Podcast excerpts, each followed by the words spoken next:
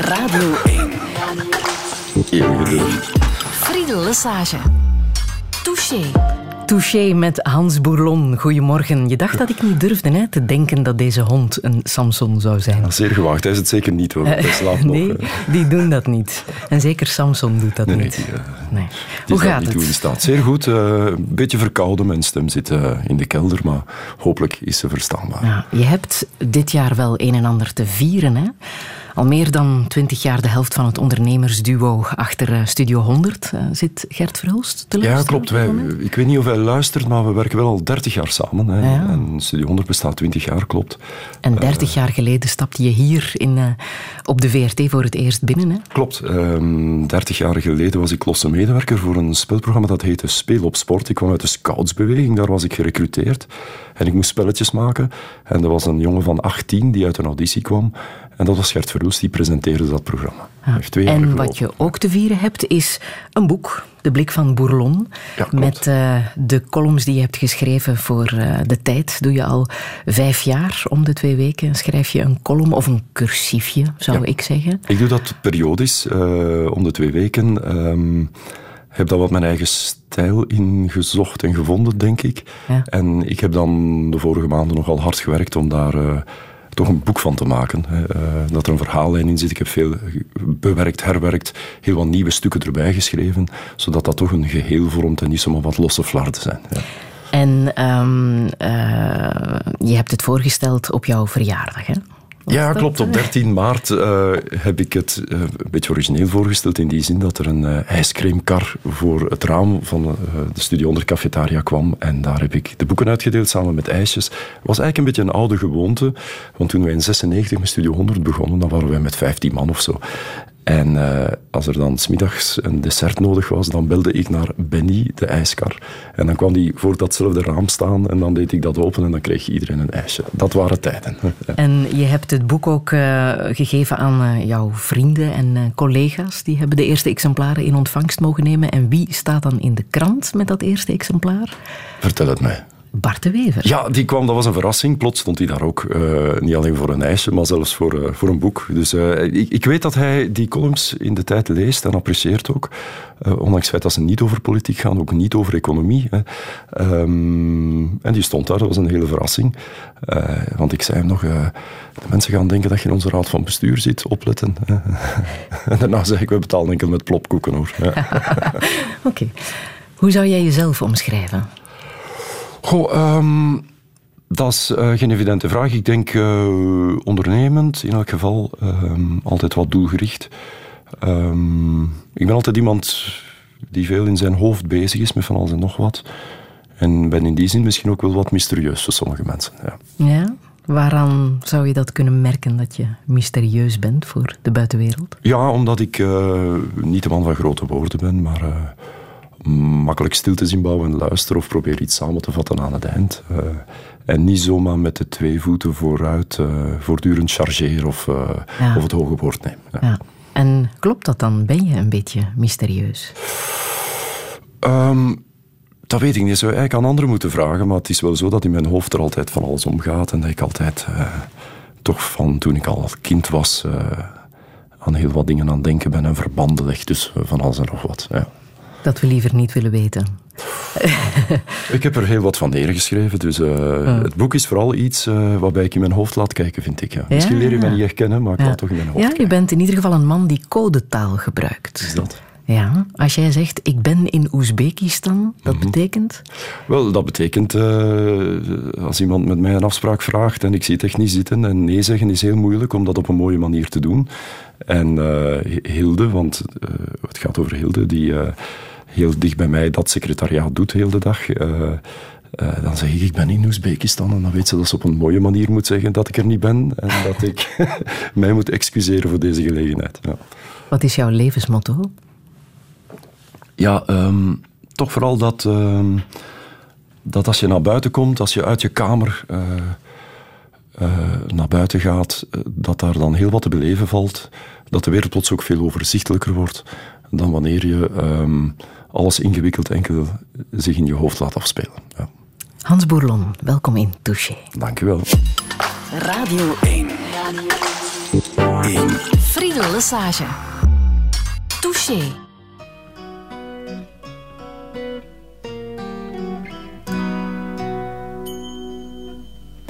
The scattered pages of a book by the sea Held by the sand, washed by the waves. A shadow forms Cast by a cloud Skimming by. As eyes of the past But the rising tide absorbs them Effortlessly claiming They told of one who tired of all Singing praise him, praise him We heed not flatterers, he cried By our command. Waters retreat! Show my power. Halt at my feet! But the cause was lost. Now cold winds blow. Far from the north of bombs Fear the storm. Accusing with rage and scorn. The waves surround the sinking throne. Singing crown him, crown him Those who love. Our majesty Show themselves. All bent their knee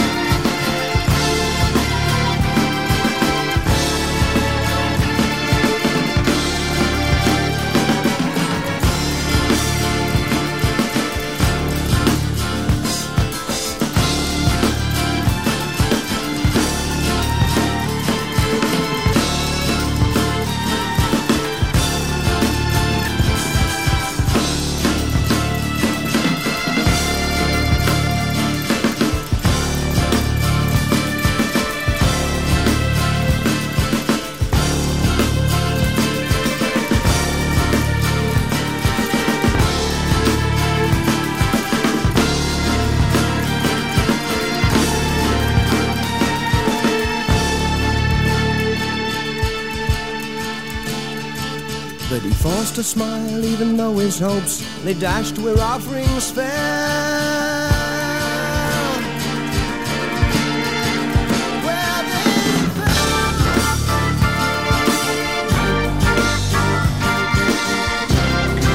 Voor de nostalgici eh, Genesis en Can Utility en de Coastliners. Hans Bourlon, eh, je bent verbaasd dat we jouw keuze effectief ook draaien. Je wou dit nummer laten horen, Ja, ik ben zeer blij hè, dat eh, de oude Genesis met Peter Gabriel nog eens op de radio komt. Die leeft nog bij veel van mijn generatiegenoten, denk ik. Leeft ook nog wel op podia. Steve Hackett drinkt nog wel eens rond. En dankzij jouw boek weet ik dat jij in je kindertijd in Baardegem Steve Hackett was. Ja, wel, eh, min of meer. Eh, ik, ik trachtte met beperkt talent eh, die solo's laten spelen, wat mij enigszins lukte. En op het college in der tijd hebben we ook een popgroep gevormd om dit soort muziek te brengen. Ik zal typen. Ja, ja, klopt. Ja. ja. Ja, vreemde naam. Hè. Ja. Ook veel gespeeld daarmee? Wel, eh, we hebben nogal wat optredens gedaan toen, ehm, maar zoals dat dan vaak gebeurt, is dat ergens vastgelopen omdat we niet meer evolueerden. Ehm, eh, als je echt de top in iets wil bereiken, ben ik overtuigd dat je eh, gigantisch veel moet oefenen en, en u bekwamen en goede feedback moet krijgen van anderen die u vooruitstuwen. En in dit geval is dat niet gebeurd. Ehm, en is dat ergens blijven hangen omdat er andere prioriteiten waren. Maar we ontmoeten elkaar nog wel eens, de oude bandleden, en dan gaan wij altijd naar dit soort optredens kijken. Ja, en dat is naar het schijnt, uh, het publiek van dit soort optredens uh, is een uitstervend ras, hè? Dat is een uitstervend ras, um, dat klopt. Sommige van die groepen die, uh, die halen de AB nog, waar ze tien jaar geleden nog in ja, in het Sportpaleis stonden. Ja, maar ook volle zalen. Ja. Maar een bijzonder publiek. Het is een bijzonder publiek. Eh, de buiken worden al iets dikker. Ik hoorde in de ABS vertellen dat, uh, het staat trouwens in een van de stukjes, dat wanneer bijvoorbeeld Stromae komt spelen, ja, dat er toch 200 mensen meer binnen kunnen, omdat die iets slanker zijn dan die meer buikige mensen van mijn generatie. Ja. ja. Um, nu, de cursiefjes die je hebt uh, geschreven geven inderdaad een heel persoonlijke inkijk in, uh, in jouw leven. Hè. Waarom doe je dat? Waarom schrijf je die stukjes? Ja, het is een beetje een, drang. Uh, ik heb heel veel jaren uh, mijn creativiteit kunnen bolwerken door honderden verhalen te schrijven voor Samson en Plop en Piet Piraat en Visie en Poppy. We deden een heel klein groepje. Uh, en vandaag hebben wij zoveel meer series. En zijn er ook zoveel meer jonge mensen vooral mee bezig die ook andere invalshoeken nemen, die beter zijn of anders zijn. Ehm, en dat is vijf, zes, zeven jaar geleden dat ik nog zo'n dingen heb gedaan. En um, toen me dat van de tijd vroeg, dacht ik, hey, dat wil ik wel eens doen. Ook omdat ik een onkel had vroeger in mijn jeugd, die ook columns schreef en cursiefjes, die die ook op de radio bracht, die ook toneelstukken schreef. Mark de Bie heet hij, mm heet hij want hij, hij is er nog. Hè. Um, en ja, dat, uh, dat was zoiets van, ja, absoluut, dat wil ik doen. Ja, ja. ja, En heb je dan een doel voor ogen waarover je wil schrijven? Goh, in het begin was dat... Uh, ik ben niet bang voor een wit blad hè, als je zoveel verhalen voor tv ooit geschreven hebt. Maar in het begin was het toch zoeken. Hè. De Tijd is een heel specifieke krant. Hè. Uh, en ik dacht in het begin, ik ga wat econom economische dingen schrijven, maar dat lukte mij niet echt. Ik ken dat niet. Hè. Je hebt ook een Geert Noels of Herman Daams, uh, wat de grote specialisten zijn van die zaken. Ik kan dat nooit matchen. Hè. Um, maar dan, ik, ik herinner me op een dag, uh, het was Allerheilige, dan gaan in de tijd uh, artikels staan, bijvoorbeeld uh, wat een begrafenis kost of zo. en dan ga je schrijven wat voor mij een begrafenis is. En dat is toch iets wat ik drie, vier keer per jaar moet doen. Hè. De vader of de moeder van een collega is gestorven. Mhm. En ik ga daar naartoe, een soort acte présence. en de mensen in die kist, meestal kent je die helemaal niet ook. Hè. En dan zit je nog snel uh, mails te beantwoorden uh, tot je binnengaat. En zelfs nog in de kerk, nog rap onder je jas. Hè. Uh, maar dan plots toch word je even tot de realiteit teruggebracht. Hè. Wanneer zo'n kleinzoon daar een gedichtje voordraagt of om het even, staat de tijd plots stil. Hè. Mm -hmm. En dat heb ik proberen te capteren in dat stukje. En als je buiten komt, ja, dan gaat de tijd weer vliegen. Hè. Het stukje heet Adieu Emile. Hè. Ja. Zo heette de man waarvan afscheid genomen werd. Ja, die kleine dingen. Um, wat mij ook dan weer deed denken aan een gedicht van Richard Minne, wat ik ooit gelezen had in mijn jeugd. En zo ben ik in dat boek dan zaken aan elkaar beginnen verbinden. Ja. Nu, je hebt ook geschreven over deze zaak in het boek. Studio 100, het succesbedrijf achter onder meer Samsung, K3 en Mega Mindy, is voor miljoenen opgelicht. En nog wel door een gewezen financieel topman van het bedrijf. Volgens het laatste nieuws loopt de fraude zelfs op tot 4 miljoen euro. Het Antwerps gerecht heeft de man aangehouden, al zegt hij zelf dat er een logische verklaring is voor de verdwenen miljoenen. Touché. Ja, hoe is het mogelijk dat een van jouw meest vertrouwde medewerkers heeft kunnen frauderen? Ja, dat is mogelijk. Um, wij zijn een bedrijf dat geen prikkeldraad maakt, bij wijze van spreken, met vaste procedures en machines, hè, waarbij mensen elke dag hetzelfde doen. Er zijn heel veel nieuwe projecten die starten, vanaf een witblad, die ook aflopen en dan gebeurt er weer iets helemaal anders. Wat natuurlijk voor mensen met slechte bedoelingen kansen geeft, invalshoeken geeft om dit te gaan doen. Maar jullie werkten al heel lang samen. Ja, meer dan tien jaar. Uh, wij zijn ook, uh, mijn collega Gert Fruls en ik, mensen die heel veel vertrouwen geven aan anderen. Dat is waarschijnlijk een van de, van de motoren van onze groei, denk ik zelf. Hè, dat je zegt van kijk hier, jij zet onze man of onze vrouw, wij vertrouwen u, wij geloven in u. Hier is uw speelveld, pak het, doe er iets mee. Hè. En dan komen mensen ook best tot ontplooiing. Hè, als je ze in de zon zet. Hè. Um, of ze maken daar misbruik van. Of ze maken er misbruik van. Um, en dat is natuurlijk iets wat zeer hard aankomt, vooral die eerste dagen. Dan, dan is dat echt een mokerslag. Maar dan ga je toch heel snel uh, overschakelen in een soort technische modus. Hè, van wat is dit precies? Kunnen we dat omcirkelen? Hè? Uh, mm -hmm. Waar gaat het hier dan precies over? En dat kan je vandaag met, met heel wat digitale media kan je heel veel retraceren van wat er gebeurd is en hoe en waarom. En dan ga je conclusies trekken. Hè. En in deze zin was dat uh, toch no mercy. Ja. Ja, hij is in de boeien geslagen. Moet toch vreemd geweest zijn hè, om dat te zien gebeuren in jouw bedrijf. Ja, ehm, dat is bizar. Ehm, dat is vreemd hoe die dingen gaan. Ehm, maar zo is het inderdaad gebeurd. Ja. Ja. Wat heeft dat teweeggebracht binnen het bedrijf? Wel, heel vreemd. Een paar dagen nadien kwam een delegatie van, de, van het personeel om te zeggen wij willen gezamenlijk klacht neerleggen. Want wij zijn tot in ons diepste binnenste geaffronteerd, vernederd. Hè, allemaal. Hè. Mogen wij dat doen? Hè? We hebben dat hem afgeraden omdat ju- juridisch gezien weinig steek hield. Eh, maar dat heeft wel een nieuwe band tussen mensen gecreëerd, vind ik. Een soort nieuwe sfeer. ehm, waarbij mensen toch meer precies hun identiteit hebben kunnen bepalen. Hè. Dit zijn wij niet, absoluut niet. hè. En, ehm, en men gaat er ook met humor om en, en op andere manieren om dat te verwerken. En ondertussen is dat een beetje een, soms een running joke geworden. Zoals? Hoe Ja, wordt daar dan mee gelachen? Een van de stukjes die ook in het boek staan gaat over, eh, over een personeelsfeest waarbij wij een soort zoektocht naar de fraudeur hadden georganiseerd. Ja, ja, ja, ja. En dan zat jij ergens in een kelder, vastgebonden Ik in moest het die donker. personaliseren. Ja, met een nu, het ging om 4,8 miljoen. Hè? Het ging over een ernstig bedrag, absoluut. Ja. Het onderzoek is nog bezig, dus ik mag daar niet te veel details over vertellen. Maar dus ook centen die je niet miste. Wel, ehm, centen die eh, op een slimme manier, mondjesmaat, verdwenen waren. Ja. Ja. Ja. Niet zomaar plots 4,8 miljoen, dat zouden wij echt wel merken. Hoor. Ja. En dat voor iemand die bij het ministerie van Financiën heeft gewerkt, dat je dat niet hebt opgemerkt. Ja, klopt. Ik heb eh, heel lang geleden eens een periode op zo'n ministerie gewerkt. Eh, was mijn ding niet. Het was ook heel interessant om eens te definiëren wat ik dan wel wou. Hè. Ik moet eerlijk zeggen, ik ben altijd een beetje bang voor cijfers geweest. Dat was nooit mijn ding geweest. Ik heb Lat- Latijn-Griekse gedaan, daarna filosofie gestudeerd, dus wiskunde of wetenschappen. Dat was voor mij een beetje te ver van mijn bedshow. Ehm, maar ehm, allemaal kwestie van u te omringen met de goede mensen. En die zijn er. ja. Ja. Hoe ga je nu om met vertrouwen? Wel, ehm, we hebben natuurlijk een aantal eh, procedures geïnstalleerd, ook wel, en dat is heel belangrijk, eh, de manier dat mensen kunnen klokkenluider zijn bij een vertrouwenspersoon. hè. Want er waren wel degelijk signalen geweest eh, dat dit gebeurd was. hè. Ehm, enkel mensen moeten daarmee naar buiten kunnen bij de juiste persoon. En ehm, dat is een belangrijk nieuw iets. Anderzijds vertrouwen geven, dat wij ook zo nou, echt naar iedereen toe uitgesproken, is iets wat wij zullen blijven doen. We gaan geen terreur beginnen zaaien plots, dat zou een totaal foute eh, reactie zijn. En zou ook nefast zijn voor een bedrijf als het onze. ja. Ja. Hoe belangrijk is geld voor jou? Wel, eh, in een bedrijf is geld zeker belangrijk. In die zin, eh, als uiteindelijk eindverantwoordelijke ben ik er toch voortdurend mee bezig. Van, van een bedrijf dat altijd maar groeit, gigantisch veel investeert.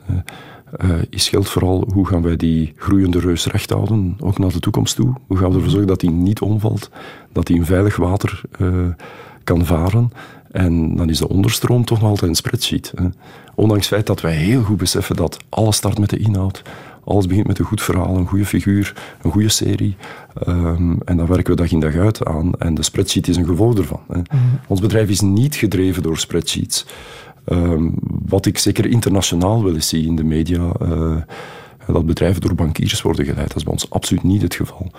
Ehm, Maar weet je hoeveel je bedrijf op dit moment waard is? nee, dat weet, Weet je ik dat niet. uit het Eh, hoofd? Ik ben aandeelhouder, dus ik kan er wel een, een schatting proberen van te maken. Een schatting dan. Geen idee. Als je ons EBDA bekijkt en je had dan een multiple op los, dan, dan zou je in de buurt komen. Maar dat, je moet niet vergeten dan ook de toch wel ernstige schuldgraad af te trekken. 151 miljoen. Dat zijn onze schulden? Zijn iets Nee, nee. Ik mag hopen dat dat de waarde is van, van het. Zou, bedrijf. zou best kunnen. eh, de waarde van iets is wat iemand eraan wil geven nooit. Hè. Maar Mhm. laat ook duidelijk zijn dat verkopen geen plan is. Dus het is een fictieve waarde. Hm. Morgen begint de Week van het Geld met als thema eh, sparen. Spaar jij? Nee, zo weinig mogelijk. Ja. Waarom niet? Wel, de beste investering is ons bedrijf zelf. Hè. Dus eh, we hebben ook geen politiek van dividenden uitkeren aan onszelf. Maar voor jou persoonlijk? Ehm, Ben je Nee. een man die niet spaart? zo weinig mogelijk. Nee, Ja? nee, nee, nee. Ik, eh, Investeer je ook in je eigen leven? Ehm, ik woon op een mooie plaats, eh, dus ik kom niks tekort. Eh anderzijds, weet je, ik heb, ik heb twee fantastische koersfietsen. Ik heb een pistefiets, een gewone fiets, een mountainbike. En dat materiaal staat niet in verhouding tot mijn talent. En dat kan behoorlijk frustrerend zijn. Ehm, Ik heb ook een geweldige keuken, eh, maar ik ben geen geweldige kok. Hè. Dus je moet ook altijd wat opletten dat je de voorwerpen waarmee je omringt, dat je die ook kunt matchen. Hè. Ja, Eh, daar van de stukjes in het boek gaat er ook stukje over. over geschreven. Hè? Alsof je een man ontmoette. Ja, ja, dat, dat het niet over jouzelf ging. Die inderdaad een mooie keuken had waar hij geen ei kan inbakken. Mhm. Eh, alles heeft wat hij wil, maar toch niet helemaal gelukkig is. Zo las ik het.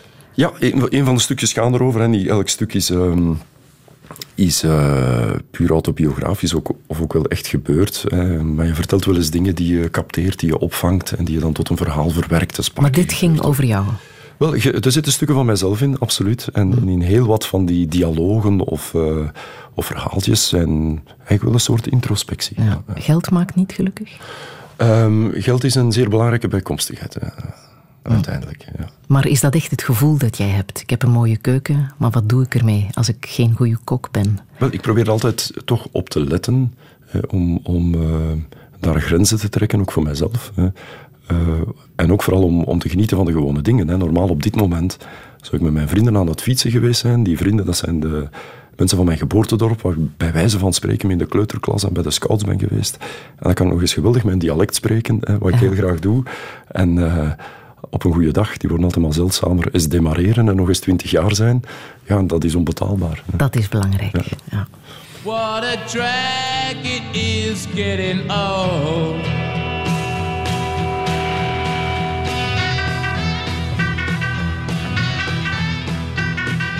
Kids are different today. I hear every mother say, Mother needs something today to calm her down.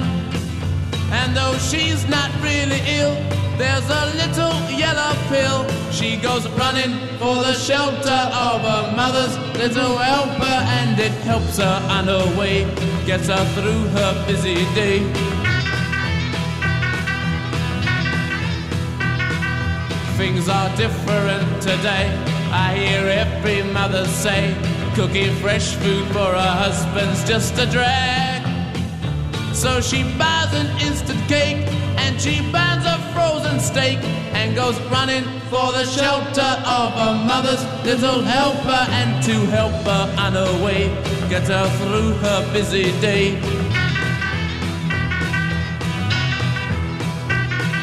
Doctor, please, some more of these outside the door. She took four more.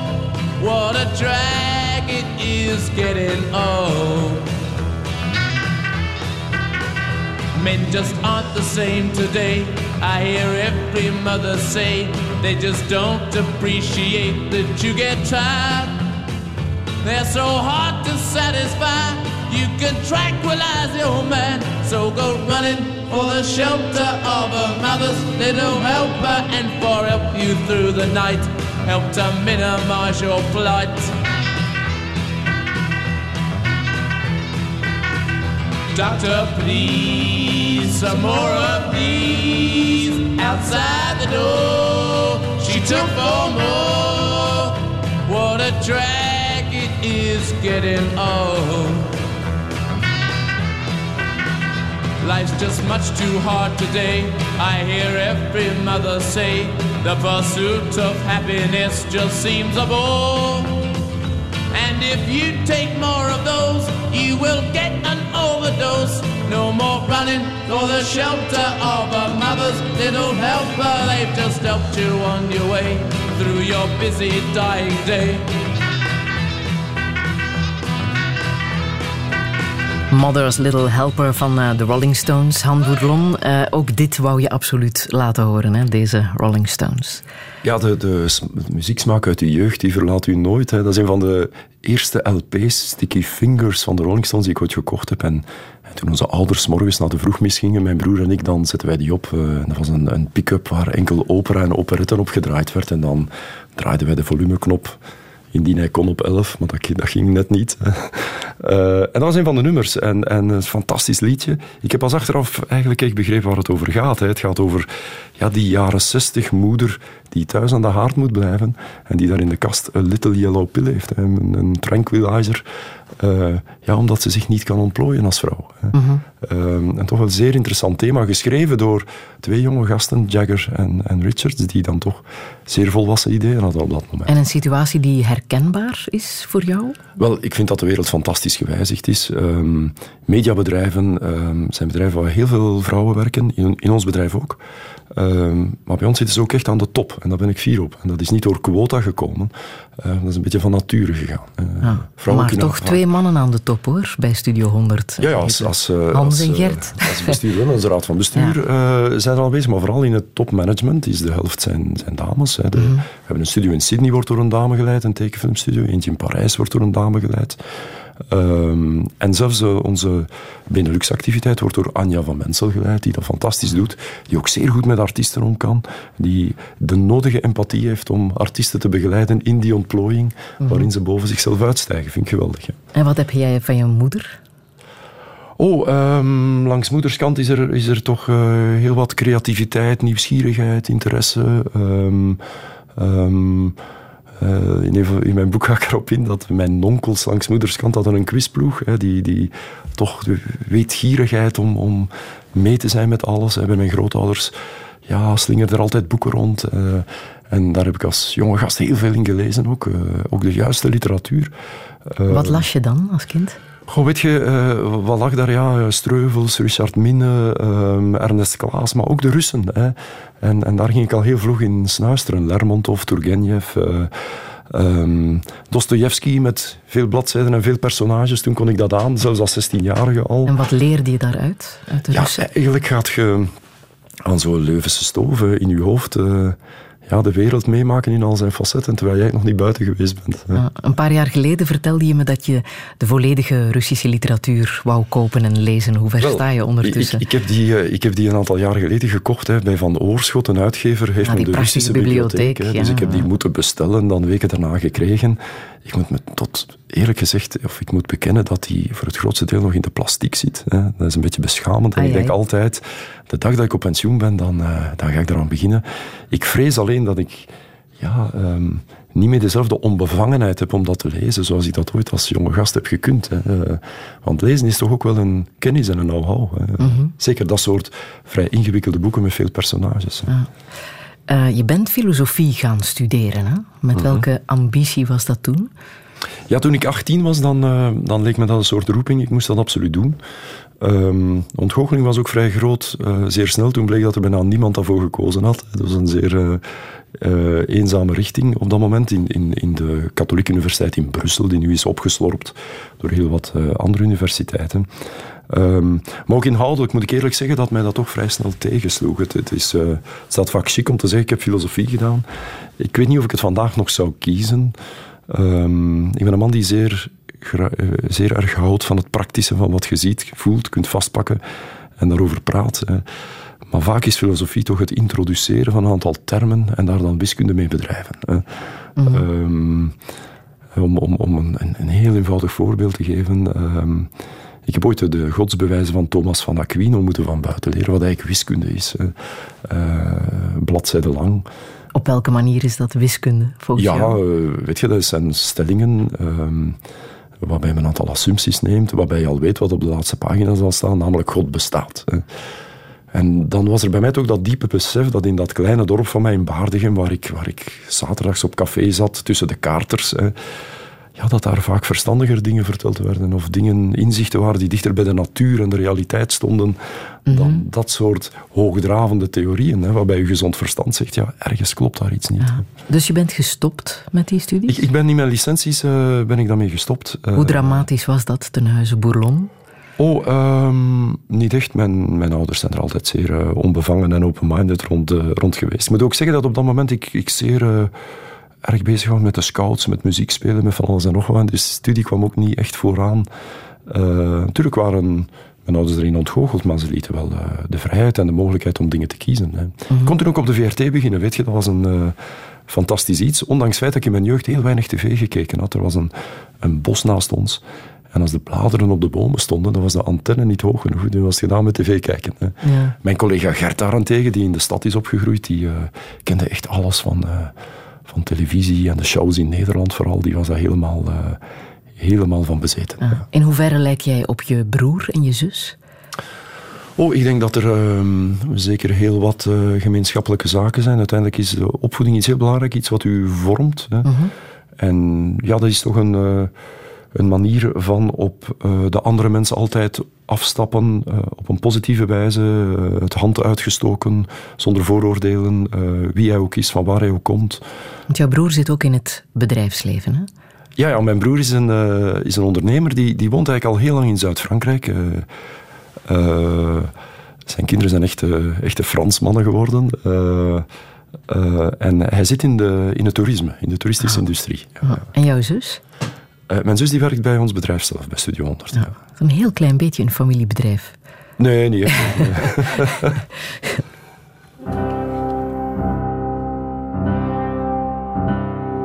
Twee maal drie is vier, wiede wiede wied en twee is negen. Krieg de wereld in, wiede wiede naar mijn eigen zin. Drie maal drie is zes, wiede wiede wie wil van mij leren. Vier min vijf is twee, diedeldoedel doe eens met me mee. Hai pipi langkous, tot de riet, tot de rij, tot de hop sasa. Hai pipi langkous, die doet haar eigen zin.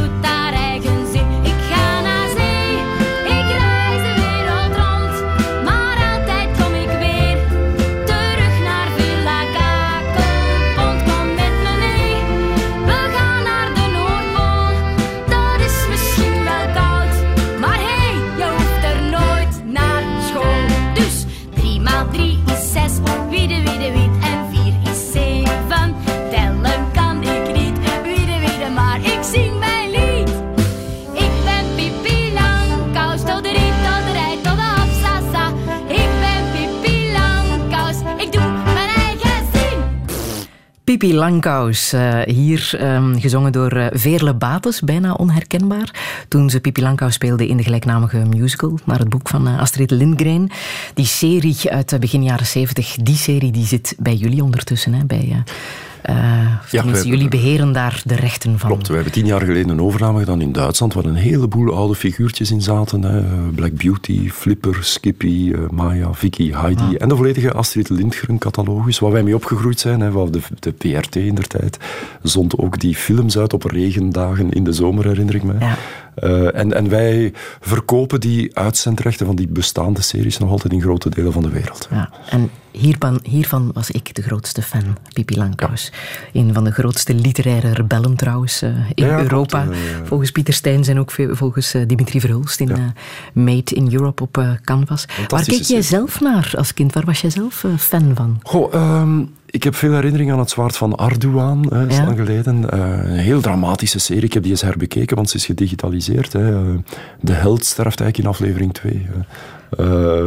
wel zwaar op de hand. Eh, ja, maar het was wel avontuur en ridders. En, ja, als, als kind in Oost-Vlaanderen lazen wij vooral Jommeke. hè. Ja, de definitie van avontuur is eigenlijk, op pagina 1 zit hij thuis bij Marie en Filemon, zijn ouders, in de zetel. En op pagina 2 is die wel weg, jommeke. Hè. En die mag de wereld ingaan. Hè. En die maakt van alles mee. En eh, ja, Dat vond jij fantastisch. fantastisch. Hè. Ja. De generatie die is opgegroeid met Samson en Gert, de eerste generatie, dat zijn nu mensen van begin de dertig. Ja, en die kom jij ook wel eens tegen eh, op lezingen. Ja. Wat krijg je dan te horen? Wat betekende Gert en Samson voor hen? Ja, wat heel leuk is ehm, die nostalgie die er rond heerst. En, dat is een fantastische bekroning. Hè. Soms en Gert doen wel eens optredens ook naar, eh, naar die doelgroep toe. En dan hoor je dat die, die liedjes kunnen meezingen van het begin tot het eind. En dat doet wel iets. Hè. Dat geeft wel een, eh, een heel bijzondere voldoening dat iets over generaties heen kan gaan.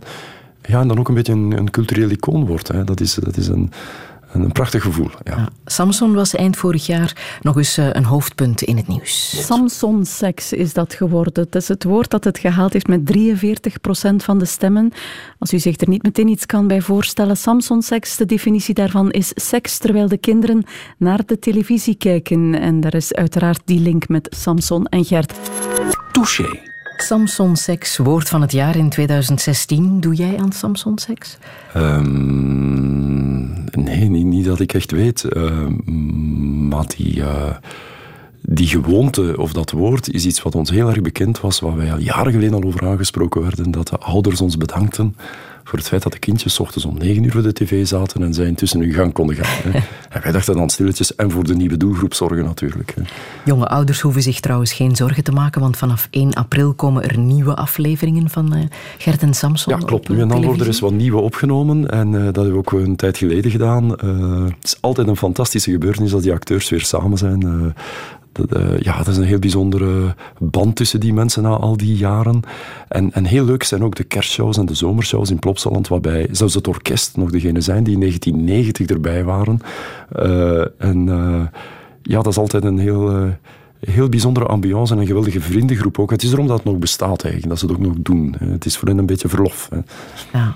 En eh, dat is vanaf eh, zaterdag, hè, die nieuwe afleveringen. Klopt. Ja. Die jij nog altijd meeschrijft? Nee, nee, nee die tijd is, eh, is Lang voorbij. Gert volgt dat wel van nabij op. maar er zijn jonge mensen vandaag die dat helemaal in de vingers hebben en die dat heel goed doen ook trouwens. hè. Hoe waren die allereerste reacties 30 jaar geleden, toen jullie begonnen met dat idee, de presentator en een sprekende hond? Het was eigenlijk Gert die omroeper was geworden, die, ehm, die aan de baas van de omroepers voorstelde, mogen we in de kerstvakantie, 89, 90 was dat, iets doen met een ploesje hond. Want Danny Verbist was een poppenspeler, eh, presenteerde Chameleon, liep rond in de gang van de jeugdafdeling. En eh, dat was snel gefixt. En ik herinner me nog dat eh, na die 14 dagen er plots heel veel brieven en pakjes binnenkwamen. Ik herinner me de muur van ons bureau. Tot boven stond dat vol met doosjes en gele briefkaarten nog in de tijd. Eh, dus dat was wel een soort instant succes. En ze hebben daar voort gaan opbouwen. En maanden later pas kwam die huiskamer er. En met Joop Mengelmoes, Stef Bos toen, dat was de eerste buurman. En daarna kwam Alberto. Ja, en dan heel ambitieus zeiden wij plots, we gaan 100 afleveringen maken. En ik zei, ik herinner me nog dat Jan Keulers zei, oké, doe maar. We hadden nog nooit een verhaal geschreven, hè, 100 afleveringen. En dan, Zo eh, ging dat. Ze hebben er gewoon aan begonnen. En eh, dat is ook heel ondernemend natuurlijk. Hè. Gewoon het doen. Hè. En toen hebben we de Elisabethzaal gehuurd. We hadden geen show. Hè. Eh, En dan hebben we die show dan maar gemaakt op basis van het feit dat de zaal gehuurd was. hè. Was het ook zo evident om een eigen bedrijf te starten, Studio 100? We hebben daar lang aan getwijfeld. eh, en uiteindelijk toen Bert de Graven de baas van de VRT werd, ontstond echt die mogelijkheid om dat te doen. En Woestijnvis is ook in 96 in hetzelfde jaar eh, ontstaan. Want jullie waren de eerste mediabedrijven in ons land. Hè? Ja, er waren er een aantal. Dat waren vooral satellieten van VTM op dat moment. Ehm, en toen is echt die mediawereld opengekomen. Hebben heel veel mensen kansen gekregen, waaronder wij ook. En ehm, ja, het juiste ding op het juiste moment is vaak heel belangrijk. Je moet daar heel veel geluk mee hebben ook. hè. Eh, een grote basis van ons succes is uiteindelijk dat geluk geweest. Als je vandaag met zo'n mediabedrijf wil beginnen, is dat pakken moeilijker. Hoe eh, internationaal bekend is Samson ondertussen? In welke landen bestaat hij? Samson is enkel in Vlaanderen, Wallonië, hebben we een andere versie van gemaakt, Fred et Sanson, en die is ook in Nederland bekend. Daar stopt het. ja. K3 marcheert ook niet zo goed, hè? K3 is in Vlaanderen en Nederland bekend. Heb ooit Ah. in Duitsland geprobeerd. Een van de stukjes ga ik erop. Dat klopt in het boek. Eh, en, en is eh, Slaat niet aan in Duitsland. helemaal fout K3. afgelopen. Het, het, het, het toont toch wel dat succes ook geen wiskundige formule is. hè. We hebben toen, eh, het is een aantal jaar geleden, heel veel geïnvesteerd in Wier Draai, zo heette de versie van K3 in Duitsland. Blind vertrouwen dat het daar even hard zou gaan als bij ons? Wel, wij hebben de beste nummers direct bewerkt in het Duits. Die dames zijn toen heel hard op tournee geweest, hebben promotie gevoerd. Wat je in Duitsland met vliegtuig moet doen, hè, van stad naar stad om, om radio-interviews te geven. We hebben 30.000 cd's verkocht, herinner ik mij, wat goed was. Maar wat totaal niet matcht aan de miljoenen cd's die ooit door de Vlaamse K3 verkocht zijn in Vlaanderen en Nederland. hè. Eh, het waarom, ik heb daar geen antwoord op. Ik ben alleen blij dat we het geprobeerd hebben. Weet je waarom K3 ook niet marcheert bij moslims? Wel, eh, ik ga dat niet zomaar zeggen dat dat niet marcheert bij moslims, maar we hebben dat wat je onderzoek rond gedaan. En, en ja, wat duidelijk is, is dat van een moslimpapa K3 niet echt een rolmodel is voor zijn dochter. hè. Er zijn andere series bij ons die daarin beter aan staan. hè. Maya de Bij is er zo een, of Boomba Ja? voor de kleintjes. Eh, ehm, wat zeer begrijpelijk is. Hè. K3 is een, een echte Vlaamse serie met alles erop en eraan. Hè. Ehm, en dat wil niet zeggen dat je erom zegt, ja, we moeten dit aanpassen of nu plots helemaal anders gaan doen. Dat is nu eenmaal K3. Hè. Wat marcheert dan wel eh, bij hen? Wat, wat spreekt hen meer aan? Wel, iets als Maya bijvoorbeeld, een bijtje is, is een bekend diertje over heel de wereld. heeft eigenlijk weinig godsdienstige connotaties, of negatieve in elk geval. Ehm, en de avonturen die dat bijtje beleeft eh, in de natuur, die zijn voor iedereen wel herkenbaar en zijn relatief neutraal. Eh, en Boomba, een clowntje voor kleintjes. Ehm, ja, vooral die hele kleine kindjes zijn zeer onbevooroordeeld, min drie jaar. Of het nu gaat over godsdienst of sociale herkomst. hè. Het is wel zo, want Boomba heeft op Al Jazeera gelopen. Ehm, dus er waren een dertigtal afleveringen waar zo'n pop in zat van een varkentje. En die heeft men niet uitgezonden, dus die heeft men eruit gehaald. Ja, ja. ja. Ehm, nu, de commerciële winkel draait ook nog altijd goed. Jullie hebben net K3 Water gelanceerd. Klopt, ja, ja, klopt. Waarom K3 Water? Is het gewone water dan niet goed genoeg? Wel, wij, proberen ondernemend te zijn, ook op vlak van, van voeding. Hè. Dus wij werken met heel wat eh, Vlaamse fabrikanten samen, die dan licentie kunnen nemen op, op onze figuren. En wij proberen vooral een zeer breed gamma aan te bieden. Hè. We hebben een paar dagen geleden nog samen met IJsboerken het K3 ijsje op de markt gebracht, waar geen echte suikers in zitten. Ehm, omdat we ja, toch proberen beter te doen dan de regels die vanuit Europa worden opgelegd. Die trouwens ook zullen wijzigen binnenkort vermoedelijk eh, voor wat je naar kindjes toe op de markt brengt of nog strenger zullen worden. Ehm, u houden aan de regels is één ding, maar je moet als bedrijf ook ehm, ja, enige maatschappelijke verantwoordelijkheid opnemen en toch proberen beter te doen. En samen met onze partners, licentienemers, streven we daar toch naar. Maar hoe gezond is commerciële afhankelijkheid eh, voor kinderen? Want als ze mogen kiezen, kiezen ze het K3-water. Ja, eh, dat klopt. Eh, we zijn er ook bezorgd om, laat dat duidelijk zijn. We proberen ook op, op vlak van reclame uh, dat zeer gemodereerd te doen. De figuren gaan ook nooit echt boodschappen in hun mond nemen om dingen aan te prijzen. Uh, anderzijds... Maar toch, het is een soort beïnvloeding, hè? Ja, je zit natuurlijk in een commercieel spel. Hè. Um, dingen worden in de warenhuisrekken aangeboden. Als wij er niet liggen, zal er iets Amerikaans liggen, bij wijze van spreken. Hè. Dus wij proberen daar onze plaats op te eisen en mee in... Uh, in heel het concurrentiespel ons ding te doen. En wij proberen dat vooral te doen door goede producten op de markt te brengen. En dat is uiteindelijk het belangrijkste. Um, in hoeverre uh, zijn jullie bezig met de psychologie van die figuren? In hoeverre is dat een doorsnee van uh, wat er onder kinderen leeft? Wel, uh, onze... Je zegt het, hè, de K3-meisjes zijn ja, drie blanke, mooie meisjes. Ja, onze series worden niet gedreven door onderzoek. We vragen niet aan de mensen wat vind je dat we op de markt moeten brengen of welke series we moeten ontwikkelen. We hebben wel eens uh, universiteitenseries van ons laten onderzoeken om daar een bespiegeling over te maken. Dat is ooit gebeurd rond Boomba bijvoorbeeld. Uh -huh. um, maar um, uiteindelijk proberen we toch, en dat komt vaak terug in onze live-action series in Vlaanderen, acteurs um, een kinderwereld te laten uitbeelden. Dat is bij Piet Piraat zo, dat is bij Plop zo. Hè. Die piraten zitten in een buik van een schip, zijn op zoek naar een schat, maar daar gaat het niet om. Die zijn met elkaar bezig, zoals kindjes op een speelplaats. En er zit geen slechterik bij. Hè.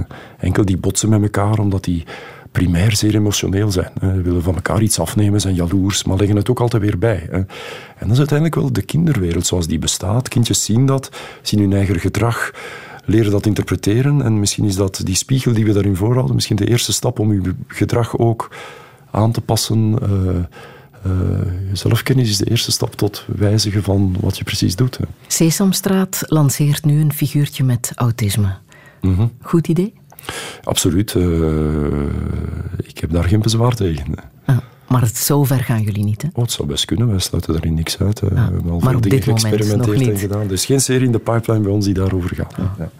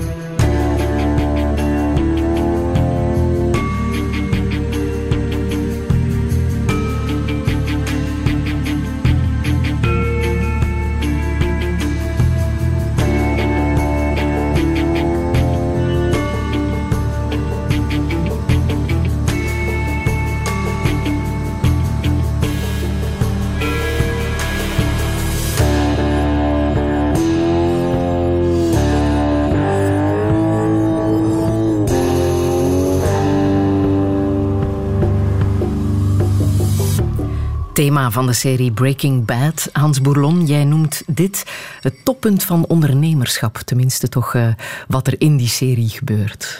Wel, ik vond het een prachtig verhaal. Ik, ik uh, kijk graag naar zo'n series. Um, het gaat over een man die uiteindelijk de rode kaart krijgt. Er wordt hem gezegd, je hebt longkanker, je zal niet lang meer leven. En hij is een, een wetenschapper die een saai leven leidt. En plots neemt hij zijn leven in handen en wil hij iets heel bijzonders doen. Um, hij gaat eigenlijk crystal meth maken, wat een drug is, met zijn wetenschappelijke kennis. En hij gaat zich plots moeien in die zeer uh, ingewikkelde drugswereld in New Mexico. En hij wordt daar de man die het verschil maakt door een fantastische crystal meth op de markt te brengen die iedereen wil hebben, omdat hij kwalitatief de beste is. Maar hij gaat ook, en dat is dan heel tragisch, helemaal ten onder uh, aan zijn hoogmoed. Herken je daar iets van? Wel, het, het, het is een, een, een, zeer herkenbaar verhaal. Ik ga in het boek ook een aantal keer daarop in. Hè. De voortdurende valstrik. En ik wil die op mezelf projecteren, hè, om, om hoogmoedig te worden. Hè, om te denken dat wat je aanraakt uh, goud gaat zijn. Ja. De haan die denkt, ik kraai, dus de zon gaat op. Hè. Uh, en je moet altijd met je voeten op de grond blijven. Um, proberen dat te doen wat haalbaar is. Uh, je hoofd niet zot laten maken voor waanzinnige verhalen. Um, en daarin zijn wij, denk ik, in ons bedrijf ook zeer Vlaams van de aanpak. We zijn ondernemend, maar gaan stap voor stap vooruit. Um, en doen geen onwaarschijnlijke uh, dingen die alles op het spel zetten. Dat is, heeft nooit in ons gezeten. Mm. Stel dat jij de rode kaart krijgt. Dat iemand jou zegt, Hans, het is binnenkort afgelopen. Wat zou jij dan doen? Goh, ik denk, uh, zoals iedereen, hè, eerst ga je opstandig zijn en dan zal je je erbij neerleggen. En um, uh, ik denk dat het een heel mentale kwestie is. Um, en dat vooral de levenskennis nodig is om daarmee om te gaan. Uh, mm -hmm. Ik hoop dat je die dan zal hebben. Ja. -hmm. Volgens mij trek je dan nog heel snel naar Tasmanië. zou dat kunnen? Ja, dat zou best kunnen. Uh, ik zei het er juist al, we hebben een, een studio in Sydney waar ik één of twee keer per jaar naartoe ga. Dat is altijd toch een bijzondere reis. Hè. En ik heb al jaren het plan, ik ga daarna naar Tasmanië. Ik heb er al veel over opgezocht. Ik vind het een fantastisch land. Het geeft mij het gevoel dat je er nog in de beek kan zwemmen, dat er nog geen files zijn, uh, dat er nog een onbevangen soort ervaring van natuur is. Uh, maar ik ben er nog niet geweest, vooral omdat ik vrees dat het zal tegenvallen. Er is een vacature voor eilandwachter uh, in Maatsuiker Island. -huh. Ze zoeken daar iemand. je krijgt een huis. zes maanden lang moet je op het eiland letten. Je moet ook wel groene vingers hebben. Ja. Ik, ik, denk wel dat ik het, uh, het zou kunnen, ja. ja. ja? Daar helemaal in afzondering, zonder wifi? Want dat ja. staat ook in de vacature, daar moet je tegen kunnen. Ik denk dat ik dat aan kan. Ik ben iemand die zeer erg op zichzelf kan zijn. En um, zo'n soort isolement voor een periode zou mij goed doen, denk ik. Zou je dan je fiets meenemen? Ik zou toch willen bewegen, ja, absoluut. Uh, ja, het zou een mountainbiken zijn, denk ik. Ja. dat fietsen, is dat, is dat toch een kleine verslaving? Ja, um, Fietsen is iets wat ik heel graag doe, waar ik ook uh, mee tot rust kom. Ik probeer ook maximaal met de fiets naar het werk te rijden. Dat is voor mij een haalbare kaart, 20 kilometer heen, 20 terug. Ik kan ervan genieten. Uh, Moeten dus... meer mensen doen, zeg je ook. Ja, ik, ik, ben ervan overtuigd dat, kunnen dat werken. Uh, mobiliteitsproblemen oplossen een, een, hier en nu inzetbaar gegeven is mensen op de fiets zetten. Ja. maar dat gebeurt niet. Waarom? Omdat fietspaden een hel zijn vaak. Men doet daar inspanningen rond vandaag en ik vind dat dat applaus verdient. Maar een fietspad zou een rode loper moeten zijn met, met uh, tunnels en bruggen over kruispunten. Um, fietsers hebben vandaag geen respect voor het verkeer, zegt men. Maar dat komt natuurlijk omdat ze zelf geen respect krijgen. Hè. Uh, als fietser ben je aangeschoten wild. Hè. Dus je wordt een vrijbuiter. Hè. Elk jaar val ik één of twee keer. Word ik omvergelopen of omver. Of kom je tegen een auto terecht omdat hij u niet gezien heeft of aan het sms'en is enzovoort. Hè. Um, maar ik denk, mensen zitten vaak, of toch die van mijn generatie, vaak s'avonds in de workout en zijn aan het fitnessen. Uh, mijn fitness is naar het werk rijden. Hè. En in hoeverre zijn jullie geëquipeerd om uh, te kunnen douchen? En... Ja, bij ons kan dat natuurlijk in het bedrijf. We hebben tv-studio's, heel wat loges en douches enzovoort. Hè. Ja. Uh, dus mensen kunnen dat bij ons doen. Er zijn er verschillende die dat doen. Um, maar een aanrader voor ondernemers om uh, douches te installeren? Ja, ja om, dat, uh, om dat te promoten, uh, absoluut, maar ook naar de overheid toe. Hè. spendeer uw geld in mobiliteit aan fantastische fietspaden, verbind steden en dorpen met elkaar. Met fietspaden, je zal zien, mensen zullen fietsen. Mm. Maar geef ze het respect en de rode loper die daarvoor nodig is. Ga je de Ronde van Vlaanderen fietsen volgende week? Ja, ik, ik vrees dat ik uh, er niet klaar voor ben, eerlijk gezegd. Ik heb een rugprobleem gehad, dus ik heb niet zo heel veel gefietst de vorige maanden, maar alles is terug oké, dus ik ga toch mijn tijd nodig hebben. Ik ben niet zo ook de, de persoon om, om hard te rijden of om de eerste te proberen te zijn. Ik ben altijd blij als ik aankom. Ik fiets heel graag in de bergen, in de Alpen en zo, uh, maar gewoon bovenkomen is voor mij al een heel voldoening. Ja. ja, vissen, doe je dat nog? Het is nu even geleden, maar iets, iets wat mijn vrienden van vroeger uh, uit mijn geboortedorp bindt, is fietsen, maar ook vissen. Uh, omdat we dat als kind met onze ouders wel eens deden. En we hebben meer dan tien keer zijn we naar Ierland geweest, waar wij dan ja, die grote snoeken vingen waar je dan als kind van gedroomd hebt. Hè. Ja. En het is vooral ook in de natuur zijn, samen dingen meemaken, wat dan toch wel heel bijzonder is. Hè. Ja. Ik wil nog muziek laten horen uit uh, Trois Couleurs, Bleu, Blanc, Rouge van uh, Christophe Kieslowski. Dat is een reeks films die jou heel erg heeft geraakt. Hè? Waarom precies? Wel, het zijn eigenlijk de, de eerste films die bij mij een snaar raakten. Um, of die een bepaalde toon hebben, waarvan ik dacht toen, jaren geleden. Want ze zijn, Begin jaren negentig was jaren dat. 90, ja. al vrij oud. Um, maar ik dacht, ja, beter kan het niet worden, een film. Ik heb ze nog weinig herbekeken, omdat ik wat vrees dat ze gaan tegenvallen anders. Uh, maar ik koester het idee en ik koester vooral de muziek. Hè. Ik uh, heb nog altijd die muziek in mijn wagen, hè, net zoals die oude Genesis en Yes, die u, ik ben nog altijd dankbaar dat juist gedraaid hebt. um, omdat dat ja, toch wel de sfeer en het, het vast van de jeugd oproept. Uh, en die uh, muziek van Preisner, die zowel bij de Decaloog uh, als bij Le Couleur de muziek heeft gemaakt. Ja. Uh, ik vind die nog altijd fantastisch. Ja. En kan je zeggen waarom precies? Want volgens critici is de muziek bijna beter dan de films. Hè? Zou kunnen. Um, er zit een soort verstilling in, die je vaak in kunst en schilderijen ook terugvindt. Um, die uh, ja, toch wel zo in de wagen mij tot rust brengt. Ja. ja.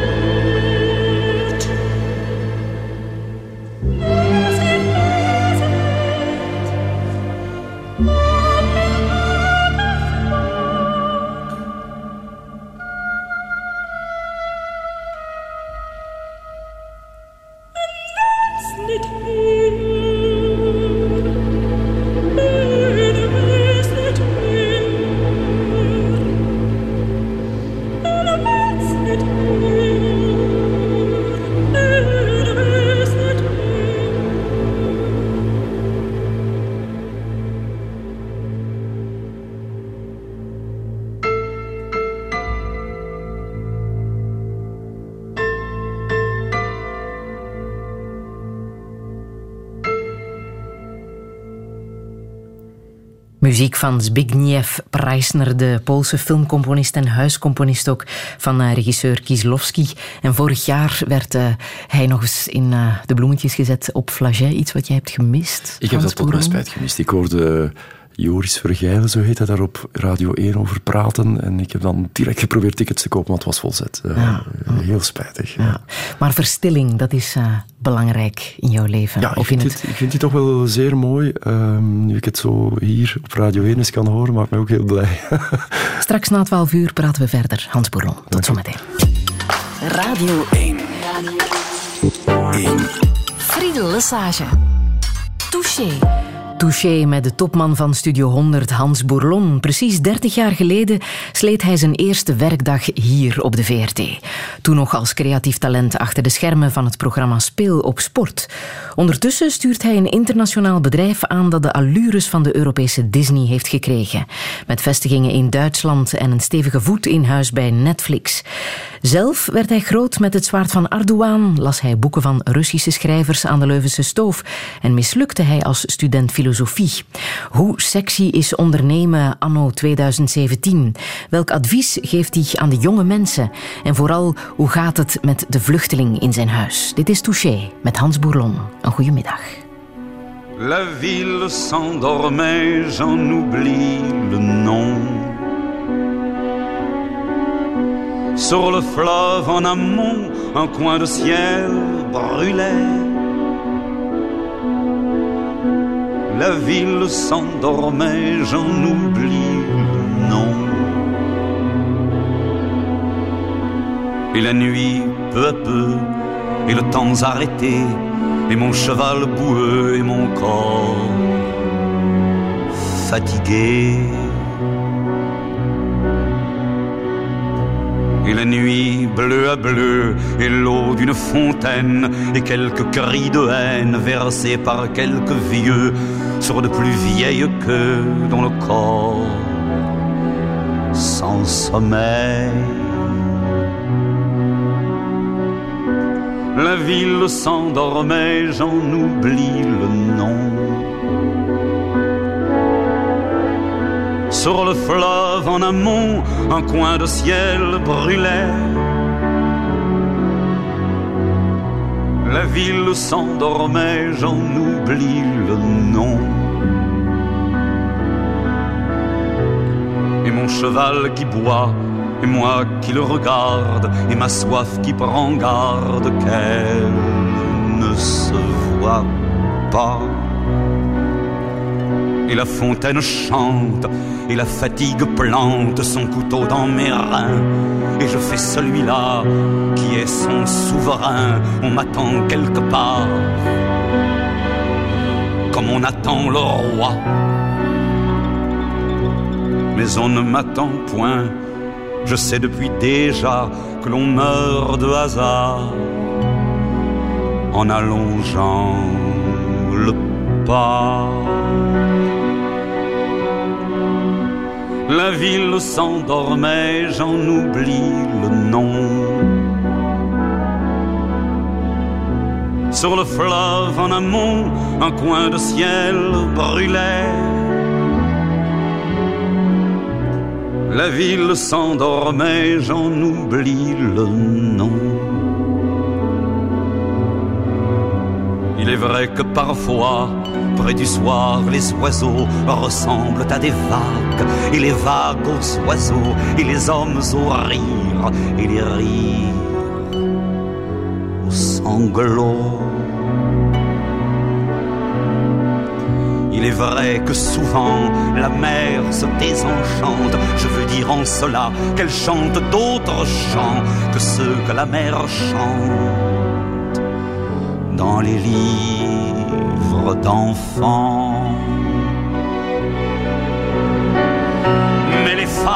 Toujours ne ressemblent qu'aux femmes, et d'entre elles les connes ne ressemblent qu'aux connes. Et je ne suis pas bien sûr, comme chante un certain, qu'elle soit l'avenir de l'homme.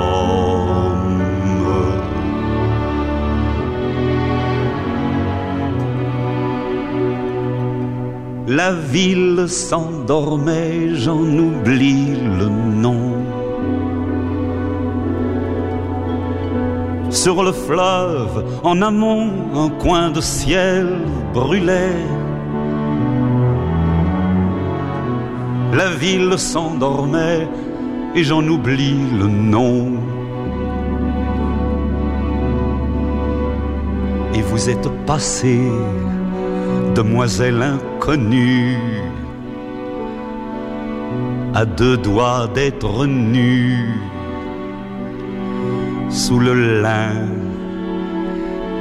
qui dansait.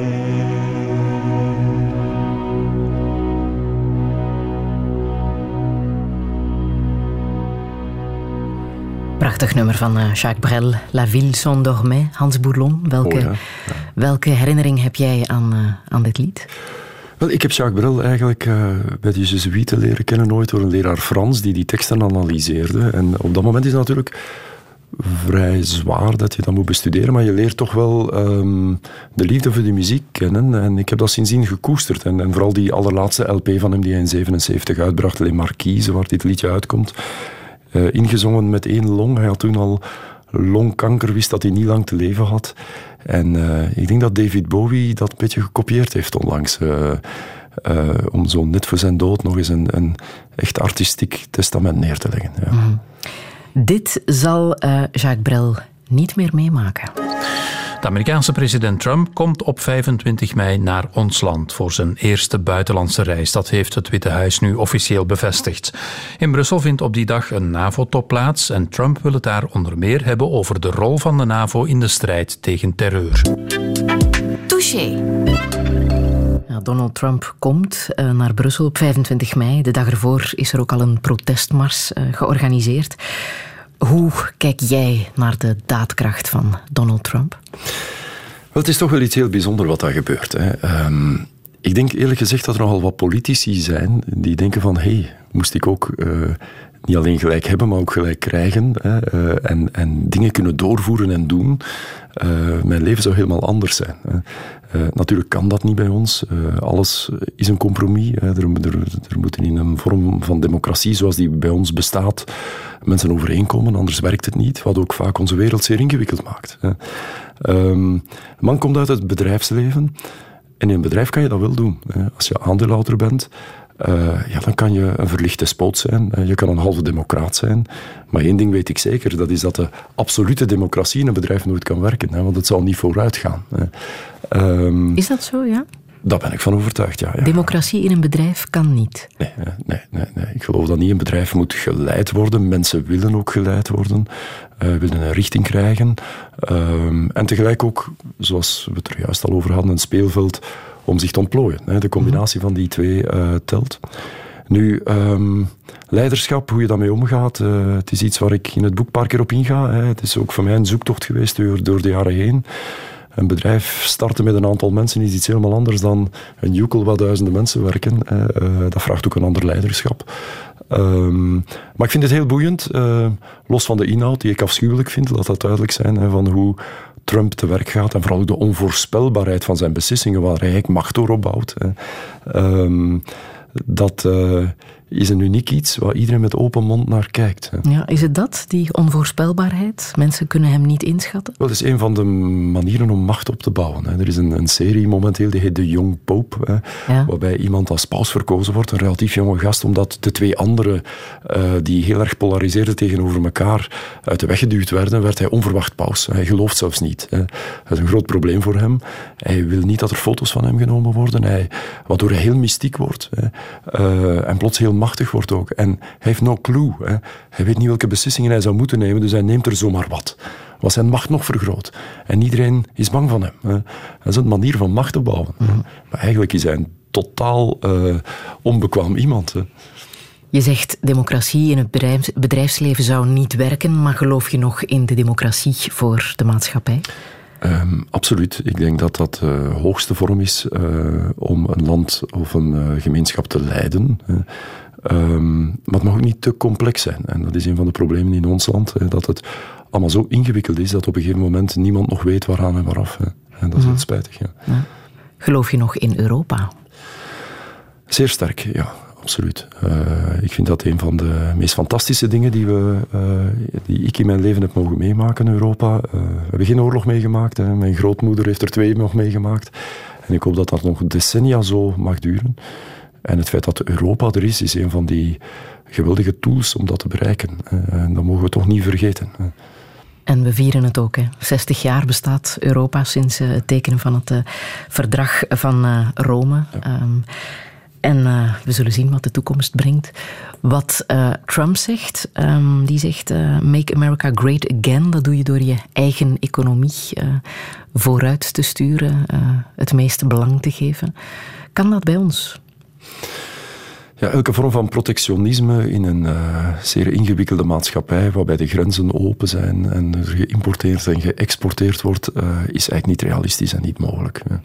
Um, elke vorm van het stimuleren of het ondermijnen van de eigen systemen heeft altijd nefaste gevolgen in, in een gemeenschap die Europa uiteindelijk is. Dus ik ben absoluut een voorstander van, van de vrije markt en ook van het maximale vrij ondernemen, eerlijk gezegd. Mm -hmm. Want jullie plusje beestjes bijvoorbeeld, die worden gemaakt in China. Hè?